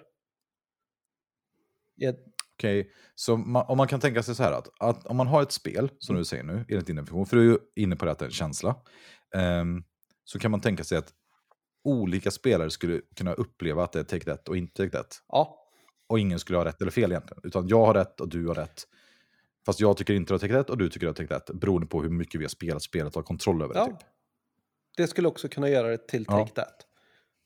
För, för, för den personen som har mindre information så kommer detta som en helt oförberedd upplevelse. Ja. Och jag är nog i den här andra läget så att för mig spelar det ingen roll hur man känner inför Ja. det här. Utan det handlar bara hur det skö- sköts Mm. mekaniskt. Till exempel om jag spelar Yatzy och någon slår Yatzy och jag känner bara sådär, åh nej, det här var fruktansvärt. Det här förtjänar inte den personen, jag förlorade, det kändes fruktansvärt. Då skulle inte det vara take that för mig, utan det är ja, push och lack, den mekaniken Mm. till exempel. Det skulle aldrig vara, kunna vara, mek- men men jag tänker att en person som har, beroende på vilken känsla den känner, skulle kunna hävda att det är då take that i Yatzy. Ja, nu drar du ju verkligen till sin yttersta gräns, eh, måste jag säga. Ja, det är så jag gör när jag definierar Ja. saker. Det stämmer. Mm. Nej, men jag, jag förstår vad du vill. Men skulle du, säga, skulle du kunna säga att någon skulle kunna ha en take that, eh, skulle personen ha rätt om den hävdar att det finns take that i Yatzy? Eller schack kan vi säga. Nej, Inte ens när någon tar ens dam om man inte visste om det, bara shit. Nej men alltså, jag tänker att vet du inte hur... Eller egentligen enk enkelt så här, skulle personen ha fel om den säger att det var that? Ja, det tycker jag nog. Ja. Och då kan det ju inte bara vara en känsla helt enkelt. För en känsla antar jag att man inte kan känna helt fel. Eller? Nej, För det är väl en upplevelse på något sätt. nej. Men återigen till det då jag försökte förklara förut. Det kan finnas Ja. så pass mycket information som gör att du inte kan ha koll på allting. Eh, Vi pratade om, Typ som man inte kan reglerna riktigt bra. Eller... ja, vi pratade om coinspelen förut. Mm. Jag tror inte att det finns några take that-käns- take that-upplevelse enligt din definition i det spelet? Jo, det måste väl finnas jättemånga. Typ du har ett eventkort som står alla personer i Saigon dör av om de är från Vietkong. Ja, men det, det, då är vi inne på samma sak. Men då är det ju någon som har ett val. Jag tar antingen det här kortet eller så gör jag den andra Ja. häftiga saken. Är det inte en take that-grej då? Ja. Nej, men om det skulle varit så här, antingen dör alla i Saigon eller i det här andra. Nej, men nu var det inte det Och sen svara. Nu ställer ju du om. Okej, om, det bara, om, det var, okej, om det bara var Saigon eller andra. Jo, men då skulle jag kunna säga att jo, men då är det take that. För då, då är det upp till personen. Jag kan inte påverka det som spelar spelet. Så, så, le- Ja, så det- en person jo, kan ha ett så val men inte de andra kring bordet och då blir det en take that-känsla. Kan påverka Då blir det take that för alla Ja. andra. Ja, men det måste också in, in vara att det på något sätt är direkt negativt för den som utsatts. Mm. Så för att ta ett exempel är att vi hade ju den här, vi hade den diskussionen och det var någon som sa att allting som gör att man gör någonting som någon annan vill göra. Till exempel, vi tar i Agricola. Mm. Det fylls, alla vill ha träd. Det har fyllts på, så det är nio träd på trädrutan. Alla vill ha Mm. den. Någon tar startplayer, tar den rutan först. Mm. Omöjligtvis tänk, take that tycker jag. Men det, det, då hävdade ju Keith som uh, var en spelgrupp, han sa att det är ju take that. Nej, det, För att han ville ju ha dem så mycket och de tog någon före honom. ja, men det var ju ett strategiskt val att inte ta starting player eller Ja. att ta starting player. Jag tänker vi har, Exakt, och, det, vi och då, enligt mig då att det inte är att det är that, är för att personen själv haft kontroll och kan påverka och göra de här Mm. sakerna. Själv gjort det här. Och det är ingenting som är direkt mot någon annan. Å andra sidan, att ens ställa sig i vägen för den andra personen, hade det varit take that? Tänkte jag att man in- inte hade fått något själv var det. Ja, kanske. Nej. Nej, och det anledningen till att jag tycker det är då att då hade person två kunnat ta player order-markören Mm. själv och kunnat ställa sig först. För jag tänker, vi har ju pratat ett annat spel ganska flitigt, du och jag. Uh, Root. Just det. Det spelet tycker jag att det finns en del upplevelser i. Okej, som vadå? Nej men alltså som, du kan dra ett kort som kan wipa typ en fjärdedel av brädet. Och du kan inte göra någonting åt det, det är bara personen som drar det som kan göra någonting åt det.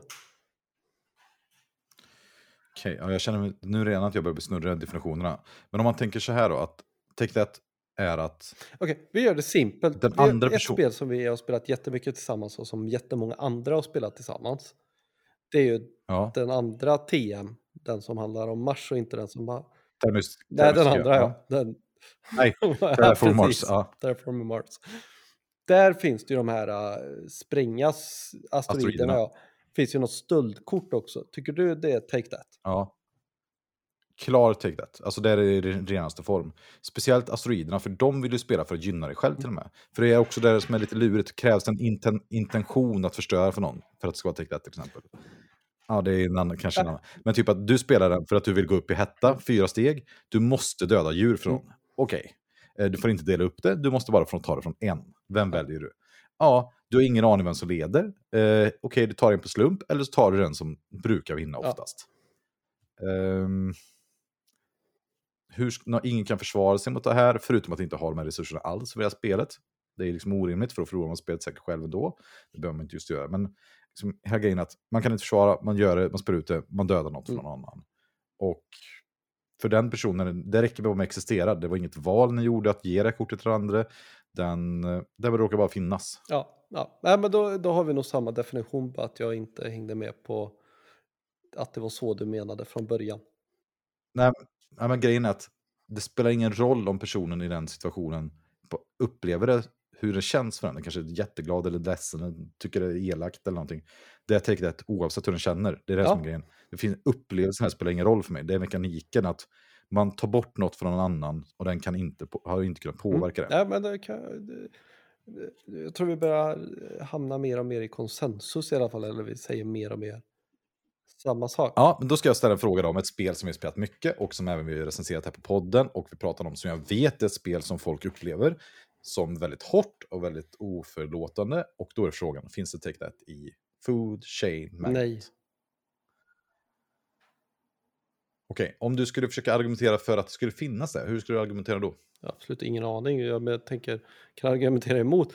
Men eh, okej då, jo. Eh, det är att personen före dig hinner få typ en milestone så att den får dra någonting. Så att den får det du hade velat ha.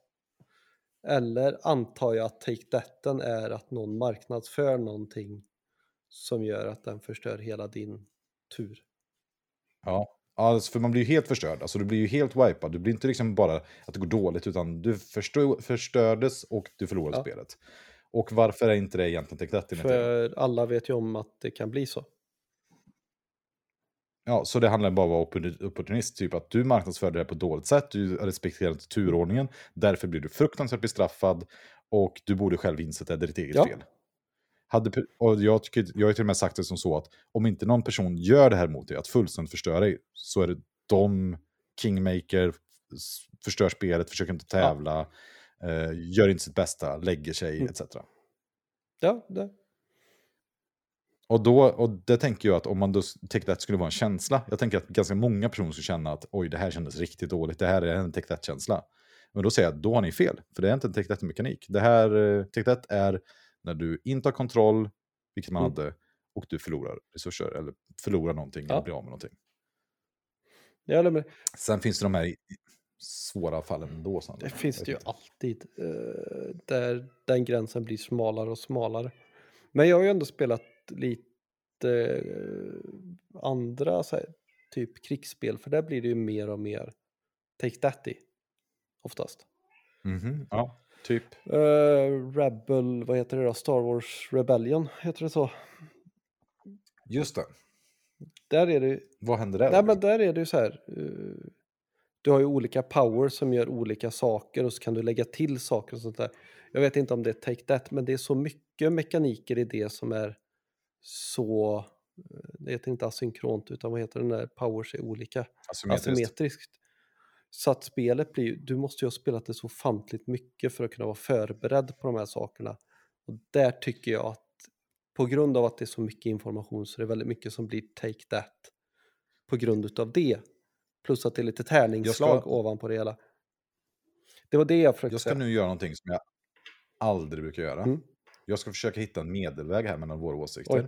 Även fast jag tycker att du har fel. Ja, Men jag förstår ändå, jag tycker du har en bra poäng här. Alltså för, det, för mig, om jag försöker översätta det till mitt språk här, så säger du så här att take that är när man saknar kontroll över någonting och någon förstör någonting som man inte har haft, kunnat, haft kontroll Ja. över. Och då är frågan, vad innebär kontroll? Är det till exempel att man eh, inte rent, alltså teoretiskt sett har kunnat påverka det? Som till exempel att man drog ett kort eh, från toppen och det säger döda tre stycken i det här området, eller i valfritt område. Och det faller ut på dig. Då har man ju liksom, enda sättet man skulle motverka det var ju att det inte finns alls på kartan, vilket man inte ens kanske kan Ja. göra. Men du hävdar ju liksom att frågan är vad man har kontroll över. Att, att man, för jag brukar tänka att kontroll är då på ens eget ansvar. Sak, har man till exempel inte läst reglerna så, så har man ju faktiskt haft möjlighet att ha kontroll Nej. i spelet. Det är bara att man är dåligt påläst. Och det är det jag märker att du menar här, att om ett spel vad ska man säga, är så svårt eller komplicerat eller att det är luddigt som gör att du tappar kontroll rent praktiskt, inte teoretiskt. Du hade kunnat haft koll på det. När du har spelat liksom, Twilight Struggle hundra gånger eller eh, Fire and Lake, då kommer du ha den här kontrollen. Men de första 70 matcherna kommer du inte ha det, för det är orimligt. Och då är det Ja. that. Okej, det låter, vi har konsensus på det. ja det fanns inte illa. För en måndag. Nej, det... Ja, för måndag, det är Ja. riktigt sjukt. Så 18xx-spelen då, finns det någon that i dem? Ja, Jag tycker ju inte det för att regelkomplexiteten, ja det är svåra regler men oftast är det inte så mycket regler som gör att det kan bli en take that-känsla. Men jag kan ju förstå lite som du har varit inne på det här att folk kan få den upplevelsen när man inte är beredd på att alla tågen ska rassla iväg som de gör ibland. Ja. Jag har haft en sån känsla en gång och det var inte nice. Och jag tänkte att det här var ju skitdåligt och jag tyckte att spelet var svindåligt på grund av det. Det var typ en nationaliseringsfas i ett spel som funkar helt annorlunda än alla, andra spel. Och ja, jag tyckte det var helt orimligt. Jag tyckte att speldesignen var dålig, men det spelar ingen roll. Jag förlorade ändå. Ja. alltså, ehm, ja, men jag kan förstå det. Jag kan sympatisera med det. Okej, så Take That är nu alltså när man inte har kontroll över en, säga, en destruktiv eh, handling mot ens egna resurser. Ja. Man förlorar någonting. Och jag tycker inte alltid Take That är dåligt, vill jag säga. Vissa spel bygger ju på att det finns. Eller annars hade jag inte tyckt de var roliga. Ha, jag tycker nog alltid det är tråkigt alltså. Jag har aldrig spelat en spel med en Ja. ja. som jag tycker förhöjer spelupplevelsen. Ja men eh, har du spelat, vad heter det då? Det heter inte, det heter Odin. Ja, Explode, Exploding Kitten har jag spelat hos dig. ja det var sjukt bra, alltså. vilken upplevelse. Sämsta spel jag spelat. Nej, Jag räknar inte ens det som ett spel längre. Så. Men det har väl massa sådana här döda två för någon eller vad det är. Det var inte det jag skulle säga, men eh, ja. Det är ju ett roligt partyspel. Det är mest för att det är gulliga katter på korten. Eh, men är, det var inte Kitties in a Blender. Nej, det har har du inte heller spelat. Det får vi spela någon gång. Du med alla dina äckliga så här och sådana här konstiga spel som du tvingar på Ja, mig. Så får, ju- Jag gillar så dem. får ju du stå ut med så här konstiga spel som jag gillar. Det är väl ändå en Ja, bra uppoffring. eh, Nej, men det heter Så länge det inte i dem. Så. det heter Yggdrasil eller någonting. Det är något krigsspel eller oh, det är någonting Mm. Keith har också. Han gillar ju eh, så här. Vad säger man om America Trash när man inte ska låta negativ? För det är någonting jag tänkt på att vi behöver prata om. Uh, dudes on a map. kanske. Ja. Massa pluttar på en karta då. Dude, sådana map låter ju Ja, också lite Så mycket tärning, mycket tur, Mycket take that. hoppas på det bästa. För Mycket take För that. där ja. går det ju ändå åt alla håll. Tillräckligt mycket så att det ändå gör någonting. Förstår du vad jag menar? I Terraforming Mars, där händer det en eller Mm. två gånger och så är det bara katastrofalt för en person. I de här spelen så kanske det händer... Ja, också att man får och att många inte gillar att vara elaka i spel. För man, det är ju det som är grejen, man känner sig elak. Typ så här, jag ska välja mellan er två och det enda jag kan välja på är vem gillar jag mest, vem, vem eh, brukar vara bäst, etc. Och det känns bara sådär, det, eh, för mig är det egentligen Det kan, den typen, påminner liksom så här om osköna tendenser i mobbning eller Ja. vad som helst. Liksom. Jag gillar inte det. Jag tycker det inte hemma i nej, spel. men jag tänker som i det här spelet då, då blir det mer som ett kompisgäng då, där alla kastar skit på varandra. Mm. Jag gillar Nej. inte det. Kan jag tycka det kan vara riktigt kul. ja, det är kul. Så länge alla ja. är med på det. Så, Ja, men det är ju nu som så att nu har vi faktiskt vårt eh, huvudspel idag. Och vi ska ju prata om eh, Terra Mystica. Ett spel som varit i min källare i åratal. Ett spel som jag köpte och spelade min sambo på två och tyckte var uselt. Ett spel som jag hörde min ja, men, eh, barndomskompis Joakim Dahlqvist hade skaffat med sin app och spelat med sin son tio gånger. Och jag fnös åt och sa det här är ett tråkigt spel. Varför Martin ska vi prata om Terra Mystica? Eh, för att jag antar att det bara var kära vän Göteborgs kompisar som sa att vi borde spela det här igen. Eller? Ja, jag kommer, inte, jag kommer inte ens ihåg hur det gick Nej, till jag, jag faktiskt. tror det är Ankans fel. Eller Mattias. Ja. ja, intressant alltså. Det, och eh, vilka är det som har designat det här spelet då? Ja, det Eller vet, eh, två stycken. Det ena är Jens, nu ska jag försöka inte butcha hans namn, Drögenmuller, Müller. Ja, det butchar ju Just det. stenhårt. Han har ju även gjort Gaia Project och eh, The Spectator of Salvador. det här har inte jag spelat. Nej, inte jag heller. Jag, jag läser på BGA. Och den andra är Helge Ostertag. Eh, Ursäkta min dåliga uttal på tyska namn. Jag misstänker att de är tyskar i alla fall. Han har gjort ganska många spel. Han, Alltså, vad har han gjort då? han har också gjort Gaia Project. Han har gjort Kavia. Vet jag inte om du har spelat? Eller Guru. Nej. Desperados. Nej. Galactico. Okej, two hit wonder helt enkelt. Han har gjort Terra Mystica och han har gjort Gaia Project. Och eh, Terra Mystica kom ut 2012 och har ju två olika expansioner. Fire and Ice och eh, Merchant the Merchants. Ja, men precis. Och det kom väl för bara för några år sedan. Är det 2019 eller 2020? 19. Något, va?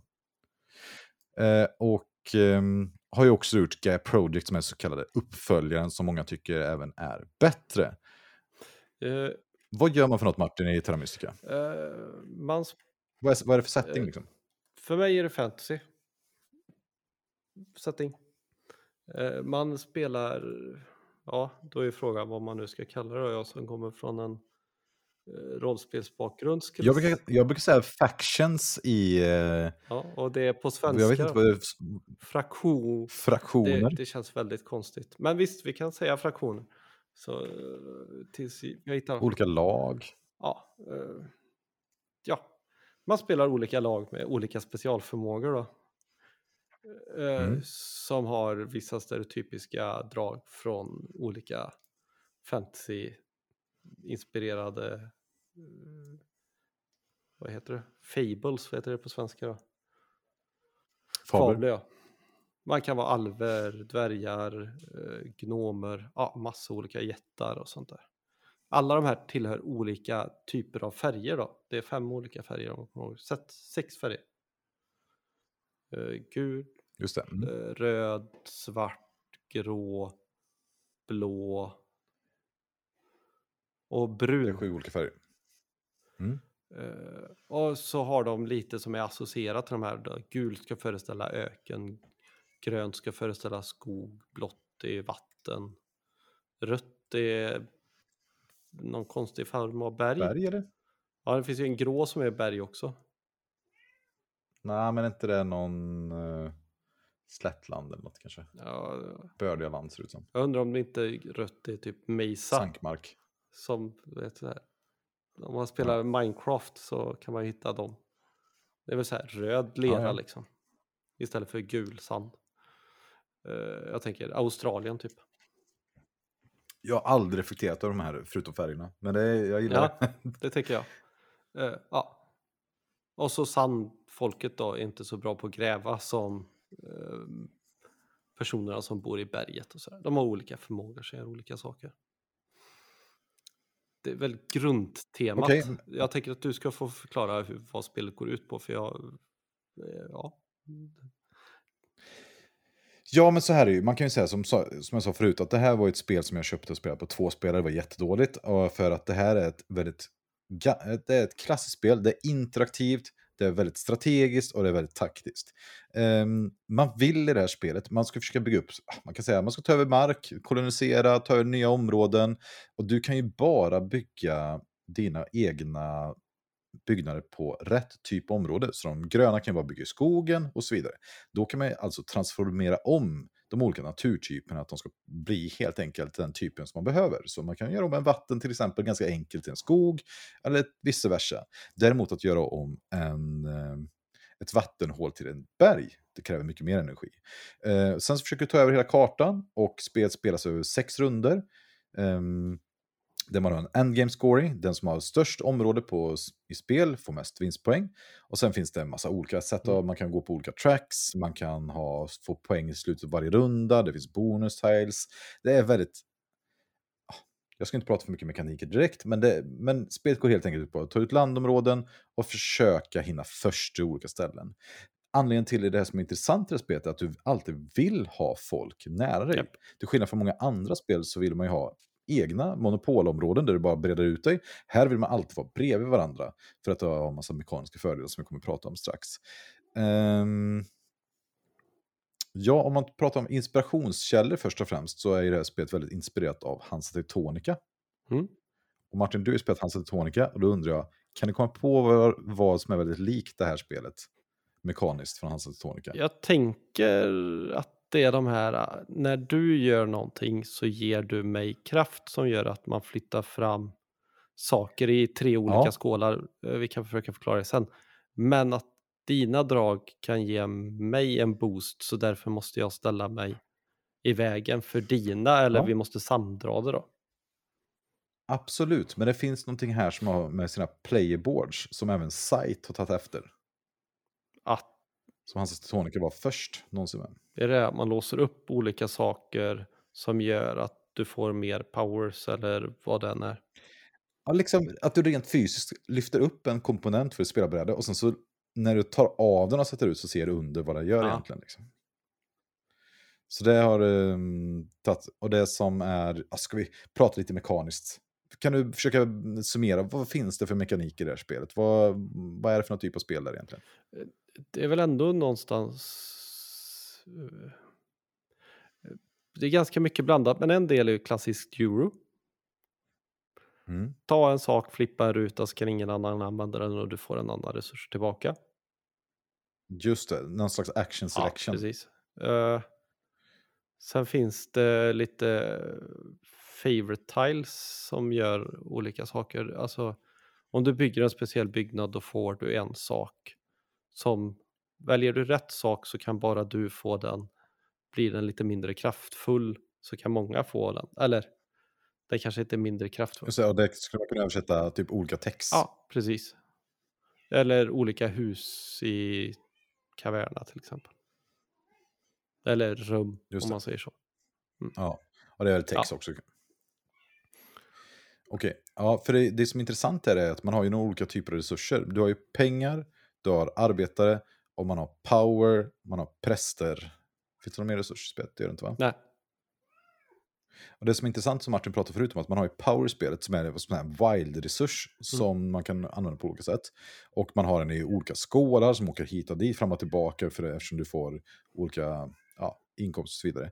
Det som är intressant med den här powern är att powern kan man antingen använda som en helt enkelt att du bara eh, konverterar den till, a- ineffektivt dock, till olika typer av resurser. Att du kan antingen få arbetare eller pengar eller Mm. präster med den. Eller så kan du ta de gemensamma power actions som Mm. finns. Och då finns det ja, helt enkelt väldigt kostnadseffektiva. Att du kan byta in fyra power för att få sju mynt, eller du kan byta in fyra power för att transformera en ruta, där vi pratar om att byta, byta från vatten till gräs och så vidare. Eller att man dubbelbyter, eller att man bygger en bro, eller att man tar en präst och så vidare. Och de, de är det första kvarn, så den som först tar en runda sju mynt för fyra power, då är den låst för alla, ingen annan Mm. kan ta det. Vilket gör att det skapas väldigt stort tryck på vem som ska vara först nästa runda, för att de här är väldigt attraktiva, de här actions Mm. för allihopa. och nu spelar vi med rätt regler så den som passar ut först blir först. Ja, för det här är ett spel som kommit ut i många olika vad ska man säga, Mm. utgåvor. Det kom en expansion som eh, ansågs, alltså en mini-expansion promo, som gjorde helt enkelt variabel, eh, ja, att när man passar ut i den ordningen så blir det, istället för att den som passar ut först så är det till vänster om den. Mm. Så i den ordning man passar ut, den ordning man spelar man spelar. Och det måste man spela det spelet på, det är helt orimligt annars. Ja. Hur viktigt är det att vara först i det här spelet då? Jag ska nog säga, jag, jag lärde mig det här spelet asynkront, eller rättare sagt, jag spelade för första gången för massa år sedan. Och typ andra gången jag var hemma hos Isbergarna tror jag spelade det här. Eh, då gick det mycket bättre än vad jag typ gjort hittills. Eh, Tror du att det beror på motståndet eller på dig själv?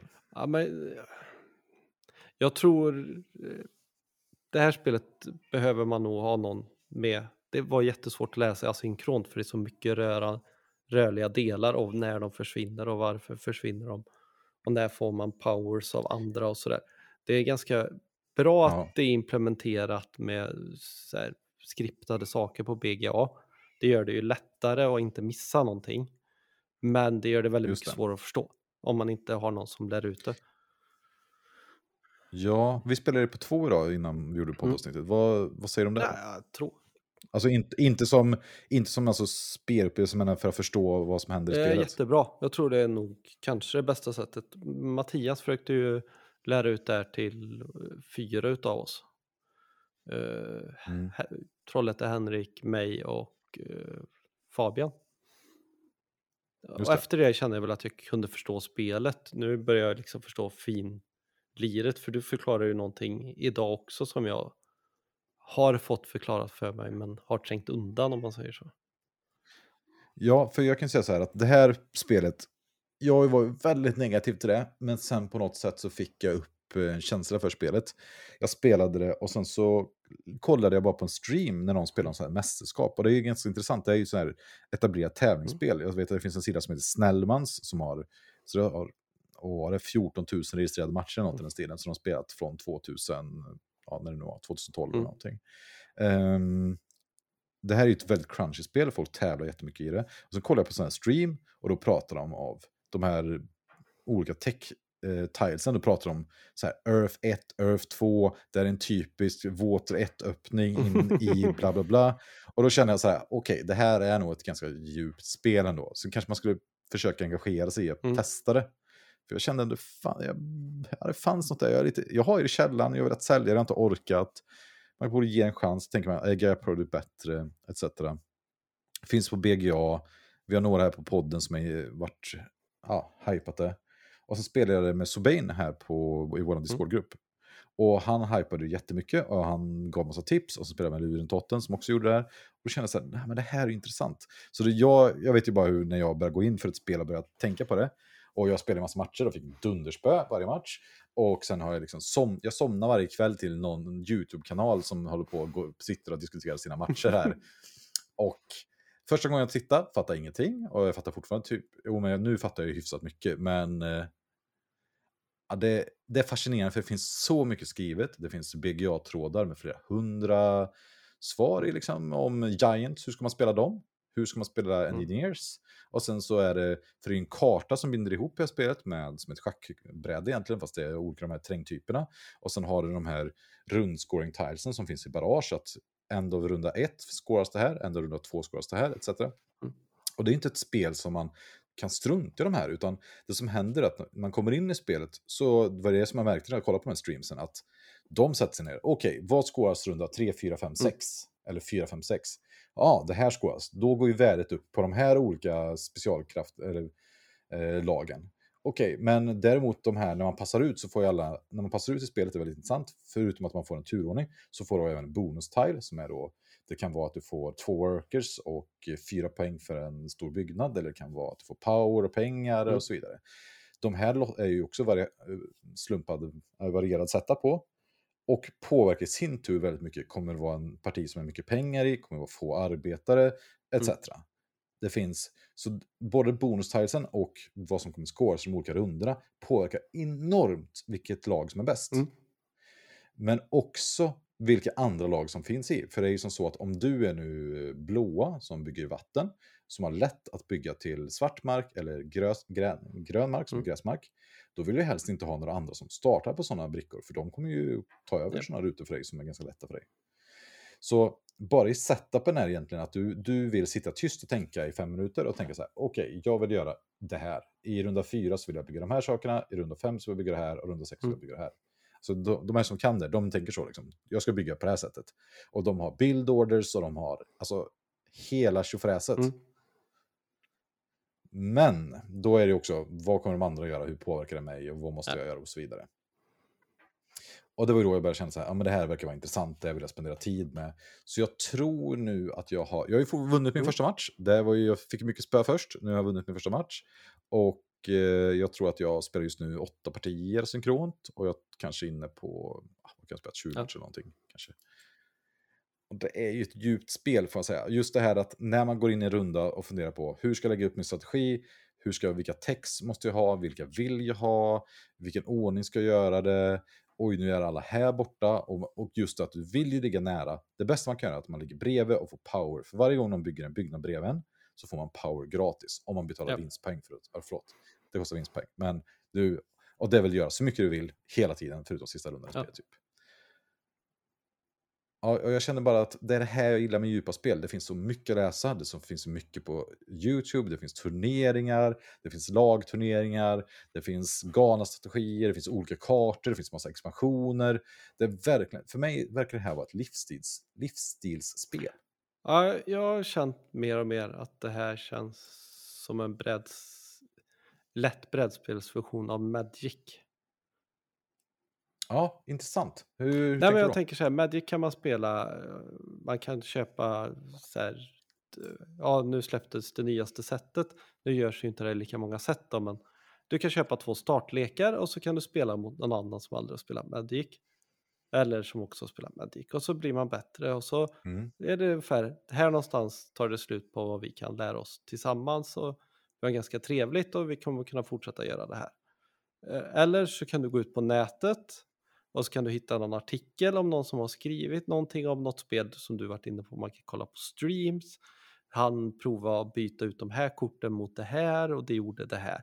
Just det här att det finns så mycket runt omkring gör att Mm. spelet blir väldigt mycket bättre och väldigt mycket djupare. Men det går fortfarande att spela casual. Det är inte jättemånga spel som klarar Ja. av att göra båda och tycker jag. Som jag blir Nej, intresserad av. Ja, men jag håller med. Och Mattias, vår spelgrupp här Mm. eh, online, han har ju sa ju att han tycker det är ett kul spel för att spela på magkänslan. Och även att liksom, rent produktionen är mysig, för det är jättestora trägrejer man ställer ut. En stronghold som är den största byggnaden, det är verkligen en stor Ja. fyrkant man bara boom, smäller ut. Det är skärm, Mm. charmigt, liksom. det är från en annan tid. Eh, men han, och för mig var det bara när jag spelade, sen kände man att det här är ju världens optimeringspussel. Med interaktion, vilket är ju mardrömmen eller jätteroligt. Liksom att så här, okej, ju det här vill jag göra optimalt och det kommer vara på resursen om det går ihop. Ja, hur mycket power kommer jag kunna få här emellan? Kommer det här kunna gå ihop? Och sen bara, nej, jag saknade visst en resurs. Okej, jag fick 25 poäng färre. Mm. Liksom. Sådär. Men, eh, Ja, nej, f- fascinerande på det sättet. Och det jag märkt nu är att jag har inte velat, jag har velat upptäcka spelet själv och lära mig spelet själv. Så jag har inte läst alls så mycket som man hade kunnat göra. Men om man är intresserad och tycker det här är kul, för jag känner så här, ja, man får ta det lite varsamt, jag är ju svår månad. Eh, då tror jag att man kan läsa hur mycket som helst. Alltså det finns jättemycket intressant. Och just att folk tycker olika också. Det är klart att man ska spela Engineers på det här sättet. det. Och i turneringar är det ju också auktionsform, vilket jag ändå jag tänker spela framöver Ja. givetvis. Om vilka lag man spelar. Mm. För du har varit med och spelat Mm. auktioner. Kan du inte berätta hur auktionen funkar? För det är ju någonting man kan göra i många spel tror jag. Eh, ja, alla här startar med 30 vinstpoäng i grund. Eh, det är startsetappen om man inte ändrar någonting. Det finns någon så här lista på att vissa är starkare än andra. Så kanske du bara får starta med 15 poäng istället för 30 för att det är ett kraftigare lag då. Kör man auktion Mm. så eh, startar alla på 30. Vill jag vara den som blir först så får jag betala x antal vinstpoäng från början för att bli den. Och det kan vara allt från ja, 0 till 30 då. Jag tror aldrig det kommer bli Ja, men 30, precis. men, eh, ja, för då kan du inte göra det av med vinstpoäng för att få power då. I början. Eh, nu vet jag inte vad du... Nej men om du betalar 30. Vinst. Ja, men du gör ju aldrig av med vinstpoäng för power ändå. Eh, jo. Om du spelar alkemist är du ändå. Men då, dem en ja men du kan ju byta power mot vinstpoäng. Om du ger mig Nix. power så kostar det ju mig vinstpoäng om jag tar då. Ah, ja, Ja. nu fattar jag. Ja, okej, jag tänkte att du menar konvertera. Nej, jag Ja. fattar vad du menar. Eh, att eh, man byter Mm. bort. Ja, ja Och, men ha, precis. ha, Nej, är, det- och nej, är du nere på noll då, då kan du inte göra det och det verkar ju skitkast. Nej, det verkar ju. Ja. Det- ja, men precis, då fattar jag vad du menar. Och det här är egentligen samma auktionsform som vi spelar i Great Mm. Western Trade. Och som finns i Lorenzo-expansionen, House of Renaissance, som jag älskar. Alltså, helt enkelt att när alla personer står på varsin bricka eller varsin start-option, då kör man. Ja, jag tror vissa av de här spelen kommer behöva tweakas så att man måste gå i jämna femsteg eller någonting. Varför då? För att eh, om man vinner så vinner man oftast med så pass mycket vinstpoäng. Så ett eller två poäng kommer inte göra skillnaden. Ja, men poängen är att man får själv Ja, bestämma om men det är jag- värt eller inte. Det jag försöker... Man behöver ha så mycket bättre koll då. Än vad jag tror man behöver ha nu. Ja, men om det fortfarande inte spelar någon roll mellan 2 och 5 vinstpoäng, då spelar det ingen roll. Alltså, om folk vinner med 25 poäng ändå Ja, så... kanske. Ja. Ja, Okej, men vad tycker du det här spelet ger för känsla? Eh, ja, men li, lite där optimist, uh, push och lack-känslan finns ju där. Mm. Berätta hur Nej, men, det- nu, om jag gör det här, de här dragen i början, då kommer det snöbolla in till det här. Eh, antingen att jag får Mm. jättemycket gubbar eller jättemycket pengar eller power börja rulla på sig själv. Eller så kan jag breda ut mig över kartan som gör att jag kan leacha på alla andra. Och vad av det här är bäst? Vem spelar jag emot? Vad har de för specialförmågor? Det är lite det jag menar med push och lack. Det kan ju vara, nej men du står här själv och får inga hjälp av någon. Alla andra börjar bara bygga någon helt annanstans. Men hur mycket tur är det i spelet då egentligen? Jag tror ungefär att eh, om, skulle jag spela fem, två gånger eller ja, säg två gånger till med samma personer så är det ungefär lika mycket tur i det som det är i GVT. Nej, mindre. Ja, men alltså, vad, alltså, ja, för, vad finns det för turmoment Inga. i det här spelet? Nej, det finns inga turmoment i spelet. Och all öppen information. Alltså, och det är det som är, för mig är ju det här ett spel som, ja det är interaktivt, man tävlar om olika saker, men det är ganska likt Great Western Trail för mig interaktionssaken här. Att det är ett race till Mm. olika saker. Du vill vara först att passa ut, för du vill ha den bonustilen som gör att Stronghold, alltså huvudbyggnaden ger fyra extra poäng nästa Ja. runda. För att du ska ändå bygga den, och du vet att alla andra vill bygga den också, för det är den som scoras den rundan. Men du vill ju göra en action för att få mer resurser. För det är klart att om du har massa resurser vet man själv att Euro vill ju spendera resurser för att kunna Ja. bygga saker som genererar resurser så att de genererar max resurser. Men du vill fortfarande passa Mm. ut först. För du vill också ha den här power actionen som är att det är sju mynt först. Och då är frågan, när ska jag passa Eller ut? så vill du passa ut efter person två har passat ut. Ja, För då har han släppt den brickan som du vill ha. Så du måste tajma in Ja. att passa ut efter personen du vill ska passa ut. Ja, och det här måste vi förtydliga, för det här är så vansinnigt bra i Mm. spelet. Jag fattar inte varför inte spel fler spelare. Så ett vanligt spel där man passar ut här turordningsmekaniker som vi många gånger pratat om, att det är så intressant att spela med turordningsmekanik. I det här spelet så tar du en bonusbricka. Den bonusbrickan har du, det är inte så, den har ju resurser du får direkt. Men sen har du kvar den hela nästa runda. För ofta har den så direkt så får du inkomsten och slutet på rundan när du passar ut så får du poäng för vad du nu ska göra. Och det innebär ju att ingen annan kan välja den här brickan förrän du har passat Nej. ut. Så, så det Martin säger att om nu någon vill ha den till nästa runda så måste den personen passa ut Mm. efter dig. Ja, vilket skapar värsta katarotta Ja, och det är väldigt intressant.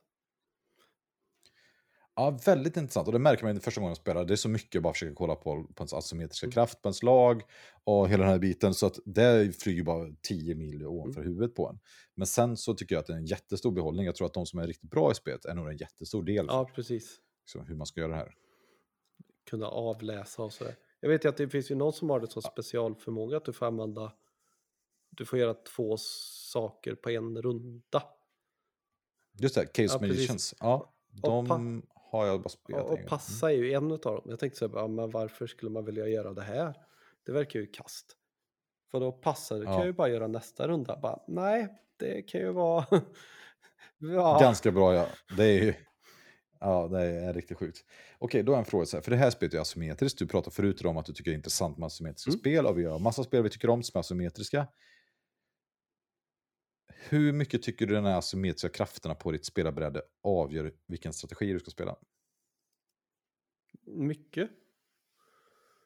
Ja, och då är frågan, är det en bra Eh, sak? Ja, samma sak som vi har pratat om i, ja vi kommer också tillbaka till det med GVT. Expansionen Mm. är ju riktigt bra för nybörjare för att det ger dig en tydlig strategi. Inte ett taktiskt svar. Jaha, hur då? eller? Nej men det är, spelar du troll så är det bra på att gå ut och kriga. Ja, du sa Great Western Trade, Ja, men du menar Caverna. Ja, Ja, okej. Ah, var så- förlåt. Ja, Jag börjar bli lite trött. Eh, och det gör att eh, du får en riktning och någonting eh, du vill hitta på. Det skulle vara jätteintressant att spela det här om x antal runder och spela utan specialförmågor och se vad det är för skillnad.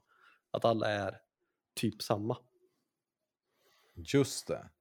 Att, all, Ja, att, det är så att alla är beige liksom Ja. bara. Ja. Nej, men och på något sätt tycker jag att ja, ja, det är ju det som är intressant att upptäcka. Som vi pratar om Marco Polo som jag spelat nu på Big Ja en del och jag har spelat innan jag äger det. Marco Polo för mig dog ju. Det, det var kul att upptäcka de olika asymmetriska förmågorna, testa hur spela och sen tappa intresset.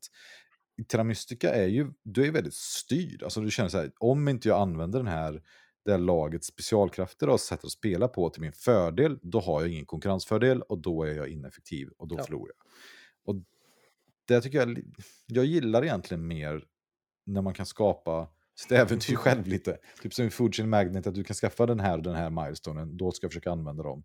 Har, har jag valt min egen asymmetriska krafter lite mer. Här är, har man ju tech som skapar lite samhällsstyrigt, men, men man är så väldigt styrd av ens Men startplan. jag tänker att det kommer att göra mer och mer, desto mer man kan det här spelet, desto tydligare kommer det bli. Om Pelle väljer Y så, måste, så blir X tio gånger bättre och C blir sämre. Och det tror jag Ja. gör till djup i spelet, att första spelaren kommer sätta mer prägel på eh, ja, om det är bra eller dåligt. Ja, jag fattar vad du menar. Ja, det är svårt att säga om det är bra eller dåligt. Det enda jag kan säga är att jag, jag vad har jag spelat nu, 20-30 gånger, fortfarande väldigt intresserad av spelet. Det är väldigt mycket Mm. upptäcka, det är väldigt mycket att tänka på. Alltså ett drag i det här spelet är väldigt sådär, vad, när det är ens tur, och så här, hur mycket resurser har jag? Vilka bonus-tiles finns öppna? Mm. Vad vill jag göra nästa runda? Kommer jag vilja ha en av power actionsen, för att, som jag använder power till? Måste jag passa ut nu? Svaret är nej. Okej, vad är effektivast att göra för mig just nu innan jag gör det? Okej, jag verkar vara sist ändå i den här rundan. Då kan jag försöka spela ut alla mina saker optimalt. Mm. Ja, det är väldigt mycket att tänka på i det här Mm. spelet.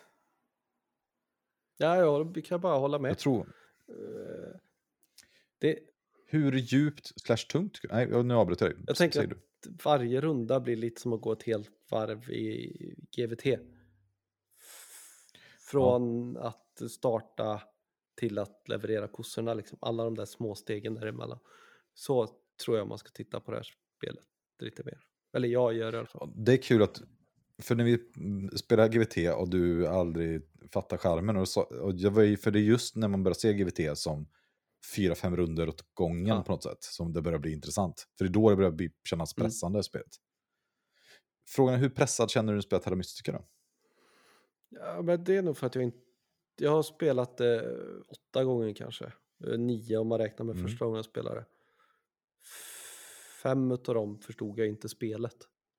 Och jag såhär bara, varför händer det här? Och så jag spela, bara haka på synkront och sådär.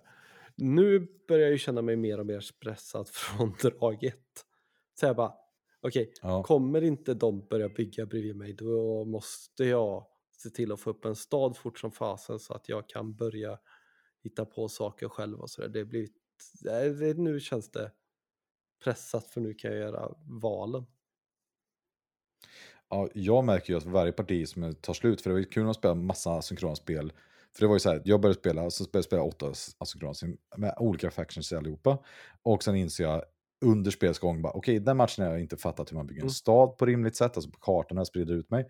Den här matchen har jag inte fattat att, eh, ja, något annat liksom. Och det är så många sätt jag har insett att jag har förlorat spelet på. Det är väldigt fascinerande på det sättet.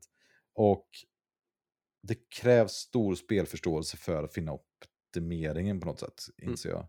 Och jag känner mig pressad från drag ett. Just, just det här att ens tidiga beslut, som nu vi spelar, vi spelar på två bara för att testa, bara för att vi skulle ha något att göra innan vi spelar.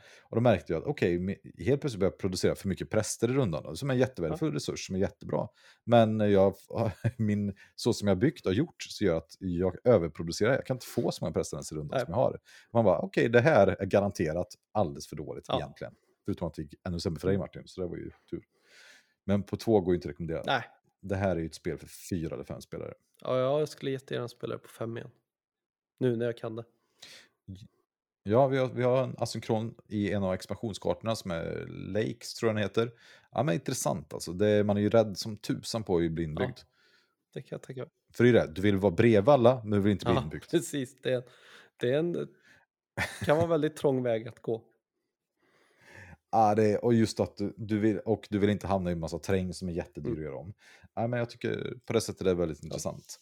Vad... ehm, Ja, vi har pratat om vilket tema det har, vi har pratat om vilken känsla, vi har pratat om vilka, vad det är för djup. Sk- Vad tror du det är? är det? Just det, vi har inte pratat om Gaia Project, det måste vi göra. Har du spelat Gaia Nej, Project? men det är ju ett sånt här spel som jag har velat spela tre år nu kanske. Men alla Ja. säger att jag tänker inte spela det om inte personen kan det redan. Ja, jag har inte velat spela det för att jag vet att det är extremt likt Terra Mystica och Terra Mystica var ett tråkigt spel. Så det har ju varit jättehögt på jättemånga sådana här rankinglistor av folk som sysslar med tunga Mm. brädspel eller dylikt. Och det jag har förstått att det är många som föredrar Terra Mystica, men av de personer som gillar nya spel och kanske inte spelar spel jätte, jätteofta, alltså att man Mm. spelar ett ja, en Gaia Project några gånger per år så här, de för, verkar föredra Gaia Project, för då de här stegarna som vi knappt pratar om, kultiststegarna som är, ja, det är ett extra sätt att få vinstpoäng, man går upp från tracksen, den som är först får åtta poäng, tvåa, fyra, och man håller på och försöker tävla på de här, ganska kul del av spelet, men de får olika text av i Mm. Project. Det verkar ju bra. Mäktigt. Ja, och sen är det lite mindre press på kartan än Gaia Project, vilket jag tycker verkar sämre spontant. Men sen finns det ju massa inspirationer och så vidare till eh, Terra Mystica och folk är sura för att det inte kommit något till Gaia Project, som det kommer snart givetvis. Ehm, ja, jag tror, vi, jag har ju tänkt att vi ska spela Gaia Project och göra ett avsnitt om det och för, göra en eh, jämförelse. Ja, det vore ju gött. Det kanske ska vara ett spel vi får spela när vi träffas på riktigt. Ja, det är Mm. planen. Um, Terra Mystica har nog en... Jag har ju tänkt att jag ska nå 500-600 rankingpoäng på det innan jag lägger ner spelet. I det här, jag, jag mötte någon, någon sån 600 poängs person. Ja, det gick helt okej, men man blir krossad. Kan man, det har jag inte koll på BA, men kan man möta folk som är i sin egen rank? ja, det finns massa olika inställningar och turneringar och allt möjligt, Mm. men ja. Vem skulle du rekommendera Terra Mystica till då? Mm, det,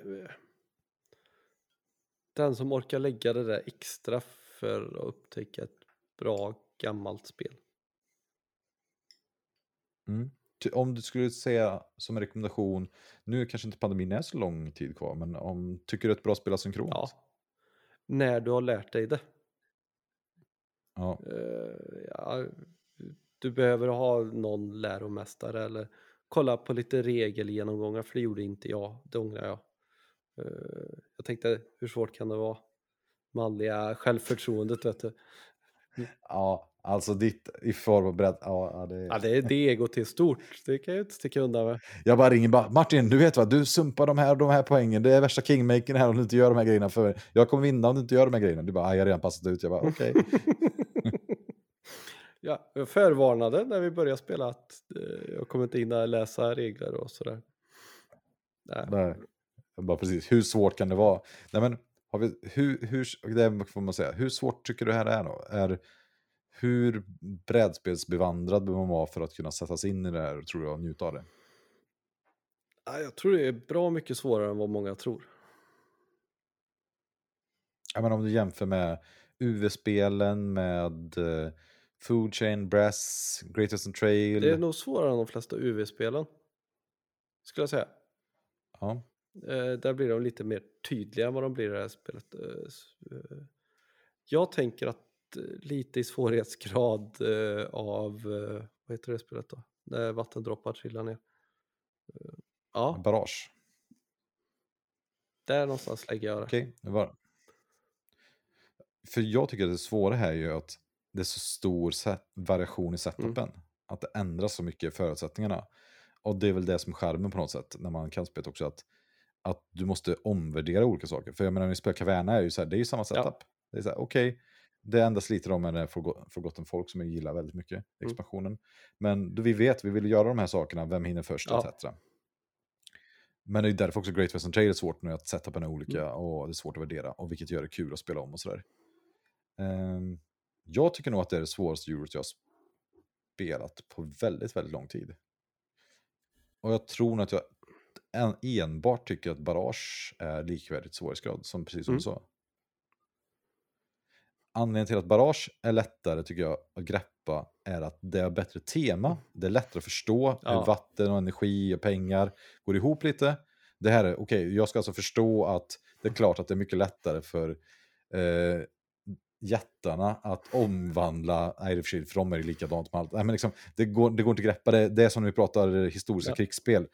Här, det är klart att jag borde förstå det här, att alverna gör sån här grejer. Nej, jag förstår inte det. Jag är helt ointresserad av high fantasy-grejerna. Jag tycker det, nej men det här är jättesvårt det här spelet. Jag känner verkligen många partier. Och jag, du brukar säga att du alltid är bättre än mig de Mm. första gången vi spelar spel. Men jag har ganska högt självförtroende att lära mig spel och kunna vara ganska snabbt helt okej på dem. Ja, men gång tre brukar du ha blivit riktigt bra. Ja, och det kände jag här att oj, oj, oj, oj, oj, oj, oj, oj, oj, vad inte bra man var Ja. på det här. Alltså fortfarande helt okej, men, men det är så mycket att lära sig. Det är verkligen ett spel man lär sig Mm. saker i. Till skillnad från många andra spel. Alltså att även om det blir så här, okej, ja, det här, den här setupen lärde jag mig att okej, är det väldigt få pengagrejer, då kommer det påverka mitt spel på det här sättet. Ja, det är ganska snävt, men du, man känner varje parti att man lär sig olika Ja. saker. Om man vill då komma ihåg att tänka på det här. Jag tänker att det är lite... Schack är nog också lite samma känsla när man har börjat spela det några gånger. Så här, ja, Ja, Nej, men jag tänker att, det finns ju också hur mycket som helst att läsa om. Man kan göra den klassiska Mm. schacköppningen, blö, blö, blö, för man flyttar fram första bonden två steg på någon ruta. Alla vet vilket drag det är. Just det. Sådär. För de som kan det. Ja. Och jag tror lite det här att vissa saker, men man kan inte se att det finns så många drag efter det här som gör så mycket saker. Och det gör det svårt att spela någon som faktiskt har förstått det. Ja, när jag kollar på den här streamen, du, jag håller helt med. Jag fick verkligen... Att, för jag, ibland tittar jag på när sån här stormästare Mm. spelar. Jag kan ju inte spelet, alltså jag kan ju reglerna men jag fattar inte Nej. vad de pratar om. Men jag fick verkligen den känslan. De bara, åh, han ställde sig på D7, det är en typisk öppning och då kommer det komma in Earth 1 här, eh, baserat på det här, bla bla bla. Och jag fick verkligen schackvibbar. Alltså det är ju... Det är säkert en kritik mot spelet att det är väldigt skriptat. Jag tror att Sobain som har lärt upp mig och lärt mig många saker eh, på Discord-kanalen. Han ha- sa att han hade lite hatkärlek till spelet just för att Alltså det blir typ som, det är inte skriptat i sig, men det, du- det själv, det är så tungt på strategi i spelet att när du väl har valt en faction, du vet att det ska spelas, där de här förutsättningarna finns, okej då ska jag göra det här, då tar jag den här tech-tilen, jag ska bygga mina hus i den här rundan, jag ska bygga min stronghold den här rundan, här borta ska jag bygga min sanctuaries, mina städer vill jag ha här och där, och sen ska jag uppgradera shipping den här rundan, kommer gå ihop, ah, då kanske jag får göra en, en, någon sak senare. Men att jag förstår varför folk har 2000 matcher spelade, för det går nog hur snabbt som helst för dem att liksom exekvera de här Ja, strategierna. men då, alltså, att lära sig det med, vad är det, 12 olika fraktioner då? Ja, 14. 14 plus expansionen Ja. Precis. Det tar ju ett 18 tag innan du har lärt dig alla. Om du inte alltid bara tänker spela alver för att de är snyggast eller någonting. Liksom. Ja, men då får du bjuda Ja. på dem också. Gött när du ska vara i aktionen. Du vet någon bara spelar auren. Du bara, ah, jag bjuder 25 VP. Okej. Eh, Nej, men jag, jag skulle nog rekommendera det till alla personer som tycker om tunga eurospel och tycker att det är kul att lä- känna sig att man blir bättre i ett spel, att man lär sig saker, att det finns ett djup och att man kan bli bättre. Och tycker om asynkrona spel. Mm. Alltså det är fantastiskt. Jag, jag, alltså, varenda gång det poppar upp i min Boardgame Arena eh, webbläsare, jag blir verkligen glad känner jag nu. Bara, Åh, vad spännande, Hur, vad har hänt, vad har gått Mm. sådär. För att det är ett spel som, ja det är interaktivt, men det är väldigt mycket att optimera sina egna drag utifrån de förutsättningar man får av sina motspelare. Och så här. Du, ofta spelar man ju med de andra och inte mot de andra. Ja, Ja. Och det är en trevlig upplevelse. Ja, är det Take That i det här spelet? Nej, jag tycker ju inte det. Nej, men om det däremot hade funnits så här, åh, en ruta tvångsomgjordes från till berg på spelplanen. Det hade fast med varit fett. det är som när sandfolket gör om rutan bredvid sin till öken Ja, automatiskt. Alltså, fan, alltså jag blir så lack. Alltså, ja, precis, de kan göra en sandstorm och uh, jättan kan bygga sönder grejer. Alltså, just att man blir så pressad av att ha dem i matchen. Man bara, gör inte det till en sandstorm, för jag har planerat om två, tre drag ska jag göra om den till det här andra. Och det kommer bli jättebra. Så man, nej, det blir en sandstorm. Besvikelse. Men jag skulle inte säga att det är That ändå. Nej, verkligen inte Take That. Det är bara en Mm. optimering. Vad... eh, om du skulle ge ett betyg till det då? Mm. Just nu tror jag en sjua, men jag tror det kan bli en åtta. Det är ändå kul liksom att vi tycker, du- för jag, jag får ju känslan att du känner att du har spelat det här spelet för Ja, ja, lite. definitivt. Ja, då är det ändå spelat det åtta gånger. Mm. Jag tror att det kan vara ganska skräckinjagande för många personer att höra. De bara så här, men jag har ju en spelsamling på 300 spel. Jag har spelat inget spel fler än fyra gånger. Men det är ju sånt här man letar efter. Eller jag letar efter. Ja. Uh, FOMO är ju inte Ja, riktigt min grej liksom. Och det är väl det jag saknar, att vi skulle haft en sån här programpunkt någon gång när vi haft vår podd och prata om varför pratar vi om massa gamla spel hela tiden? Mm. Det, För det är det vi gör. Vi, ja. Fast Barrage är väl inte gammalt? nej, det är ganska nytt. Men varför pratar vi om massa gamla spel? Har du någon tan- Är det bara slump eller? Nej, Men det är väl som med allting annat att det man vill hitta, eh, titta på böcker då. Mm. Jag gillar till exempel fantasy väldigt, eller jag gillar sci-fi väldigt mycket, jag gillade fantasy förut mycket. Eh, Men jag har snart Mm. läst allt bra som är gjort inom sci-fi. Så nu får man ju Ja. börja, antingen kan jag lyssna om liksom, de gamla bra böckerna en gång till. Eller så får jag stå Ja. ut med det här halvbra nya som kommer. Det kommer ju, av hundra böcker så kommer ju en utav dem kanske bli riktigt bra. Men jag måste ju läsa igenom, lyssna igenom Ja. 99 andra som är kassa. Istället för bara Just lyssna eller läsa igenom eh, den riktigt bra boken igen som jag vet håller. Och det är ju därför man håller på med gamla saker för att det är redan någon annan som har gallrat bort. Det- Det kanske Ja. inte är dåliga Ja, jag har- jag- böcker eller dåliga spel men det är inte de bästa. Nej, och jag tänker, du fångar ju allting jättebra här. Och jag tycker det initiala du sa Mm. om FOMO också, alltså Fear of Missing Out, som det heter eh, oavkortat. Alltså att kapitalismen bygger ändå på att vi ska bli intresserade av att köpa nya Mm. produkter. Alltså vår, en podd så lyssnar ju folk på för att höra om nya spel som folk vill köpa.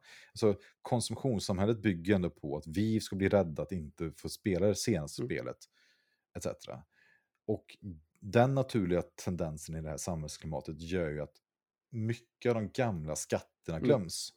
Eller för de promotas inte, de blir ingen marknadsföring för ingen tjänar Nej. på det. Det är som vi gör ett avsnitt om Terra Mystica, det kommer inte då lika många lyssnare som om vi hade gjort om Beyond the Sun. Nej, så är det. Det är så det är, det är så det funkar. Men vi är inte intresserade av att sälja spel. Vi är inte intresserade av att spelvärlden heller ska sälja mer Nej. spel, egentligen. Jag tycker det vore kul om folk upptäcker och får njuta av sina brädspel och gärna inte behöva köpa nyproducerade saker. Det är väl en bonus. Mm. Jag vet inte om jag bryr mig om det heller, men just att ha just de här klassiska verken som är fantastiska för att de är bra. Inte för att de är heta, inte för att de är nya och inte för att de trendar, utan för att de är magiska. Jag lyssnade på en sån här bitter och tysk eh, avsnitt. Någon utav dem jobbar ju i en bokhandel. Han sa ju, Ja, ja. det finns ju någon sån här stämpel eller någonting. Då har ju bokbolagen gått ihop och eh, sagt de här hundra klassikerna ska vi alltid sälja, de ska alltid finnas i butik. Det är någonting vi säger kollektivt spännande. går, går ihop och betalar för dem, eller typ något åt det hållet. Eller Ja. licensierar ut till någon. Så de finns alltid liksom i bokhandlar för att de, är så pass värda och välskrivna och sånt där. Det Mm. borde ju finnas liten, hans poäng var att det borde finnas en likadan grej i brädspelsvärlden då. Vissa spel borde alltid finnas att köpa för att de har viktiga steg eller är bara så pass bra att de fortfarande håller. Mm. Ja, men jag tänker på ett spel som vi spelade på min födelsedag, Dimascher, som jag mm. hypar. Och jag kollar på, ah, nu kommer jag inte ihåg vad han heter, men hans andra spel, hans, vad fan heter han? Åh, vad irriterande. Eh, Tribune som jag är intresserad av att köpa Ja. också. Nej, men vi borde kanske göra ett avsnitt om gamla klassiker. Okej, men jag måste sätta ett betyg på Terra Mystica. Jag ger alltså höga betyg till alla spel. Jag tycker att jag är intresserad av att höra, tänka på vad Gaia Project är. Jag tycker att Terra Mystica är för mig en nia. Ja. Jag bara tänkte så här, shit, sa jag sätter alltid så höga betyg, kommer Erik sätta lägre än mig? Det har aldrig hänt förut. Nej, men jag, jag, det var ju någon som pratade om gallrar sin spelsamling och kollade här Marie Kondo.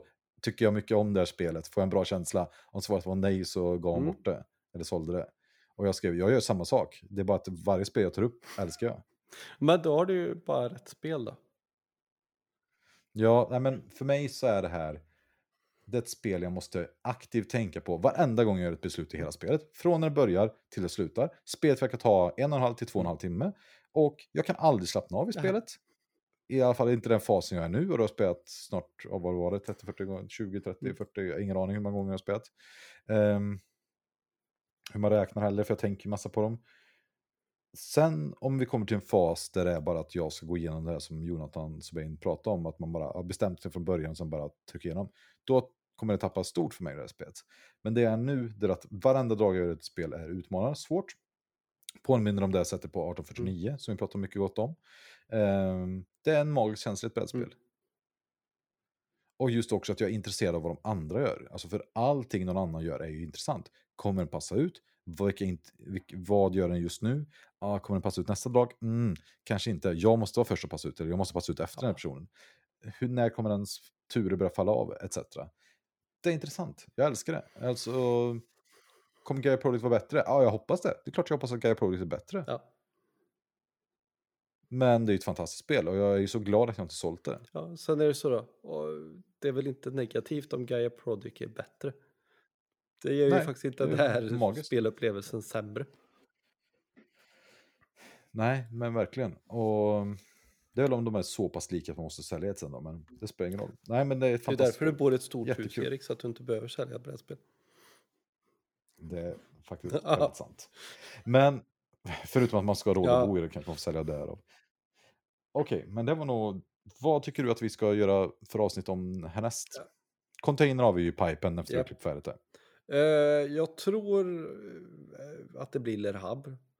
För jag tror att vi behöver ge, eh, inte Distant Plane, eh, Fire Over the Lake eller vad det nu heter, Coin-spelet. Eh, Fire Lake. mer än en spelomgång till för att faktiskt kunna ge Va? det vett. Ja, vi måste spela fem gånger minst. Det, jag tror att, att Fire Lake kommer ju vara oktober när Ja. vi släpper podden sittande.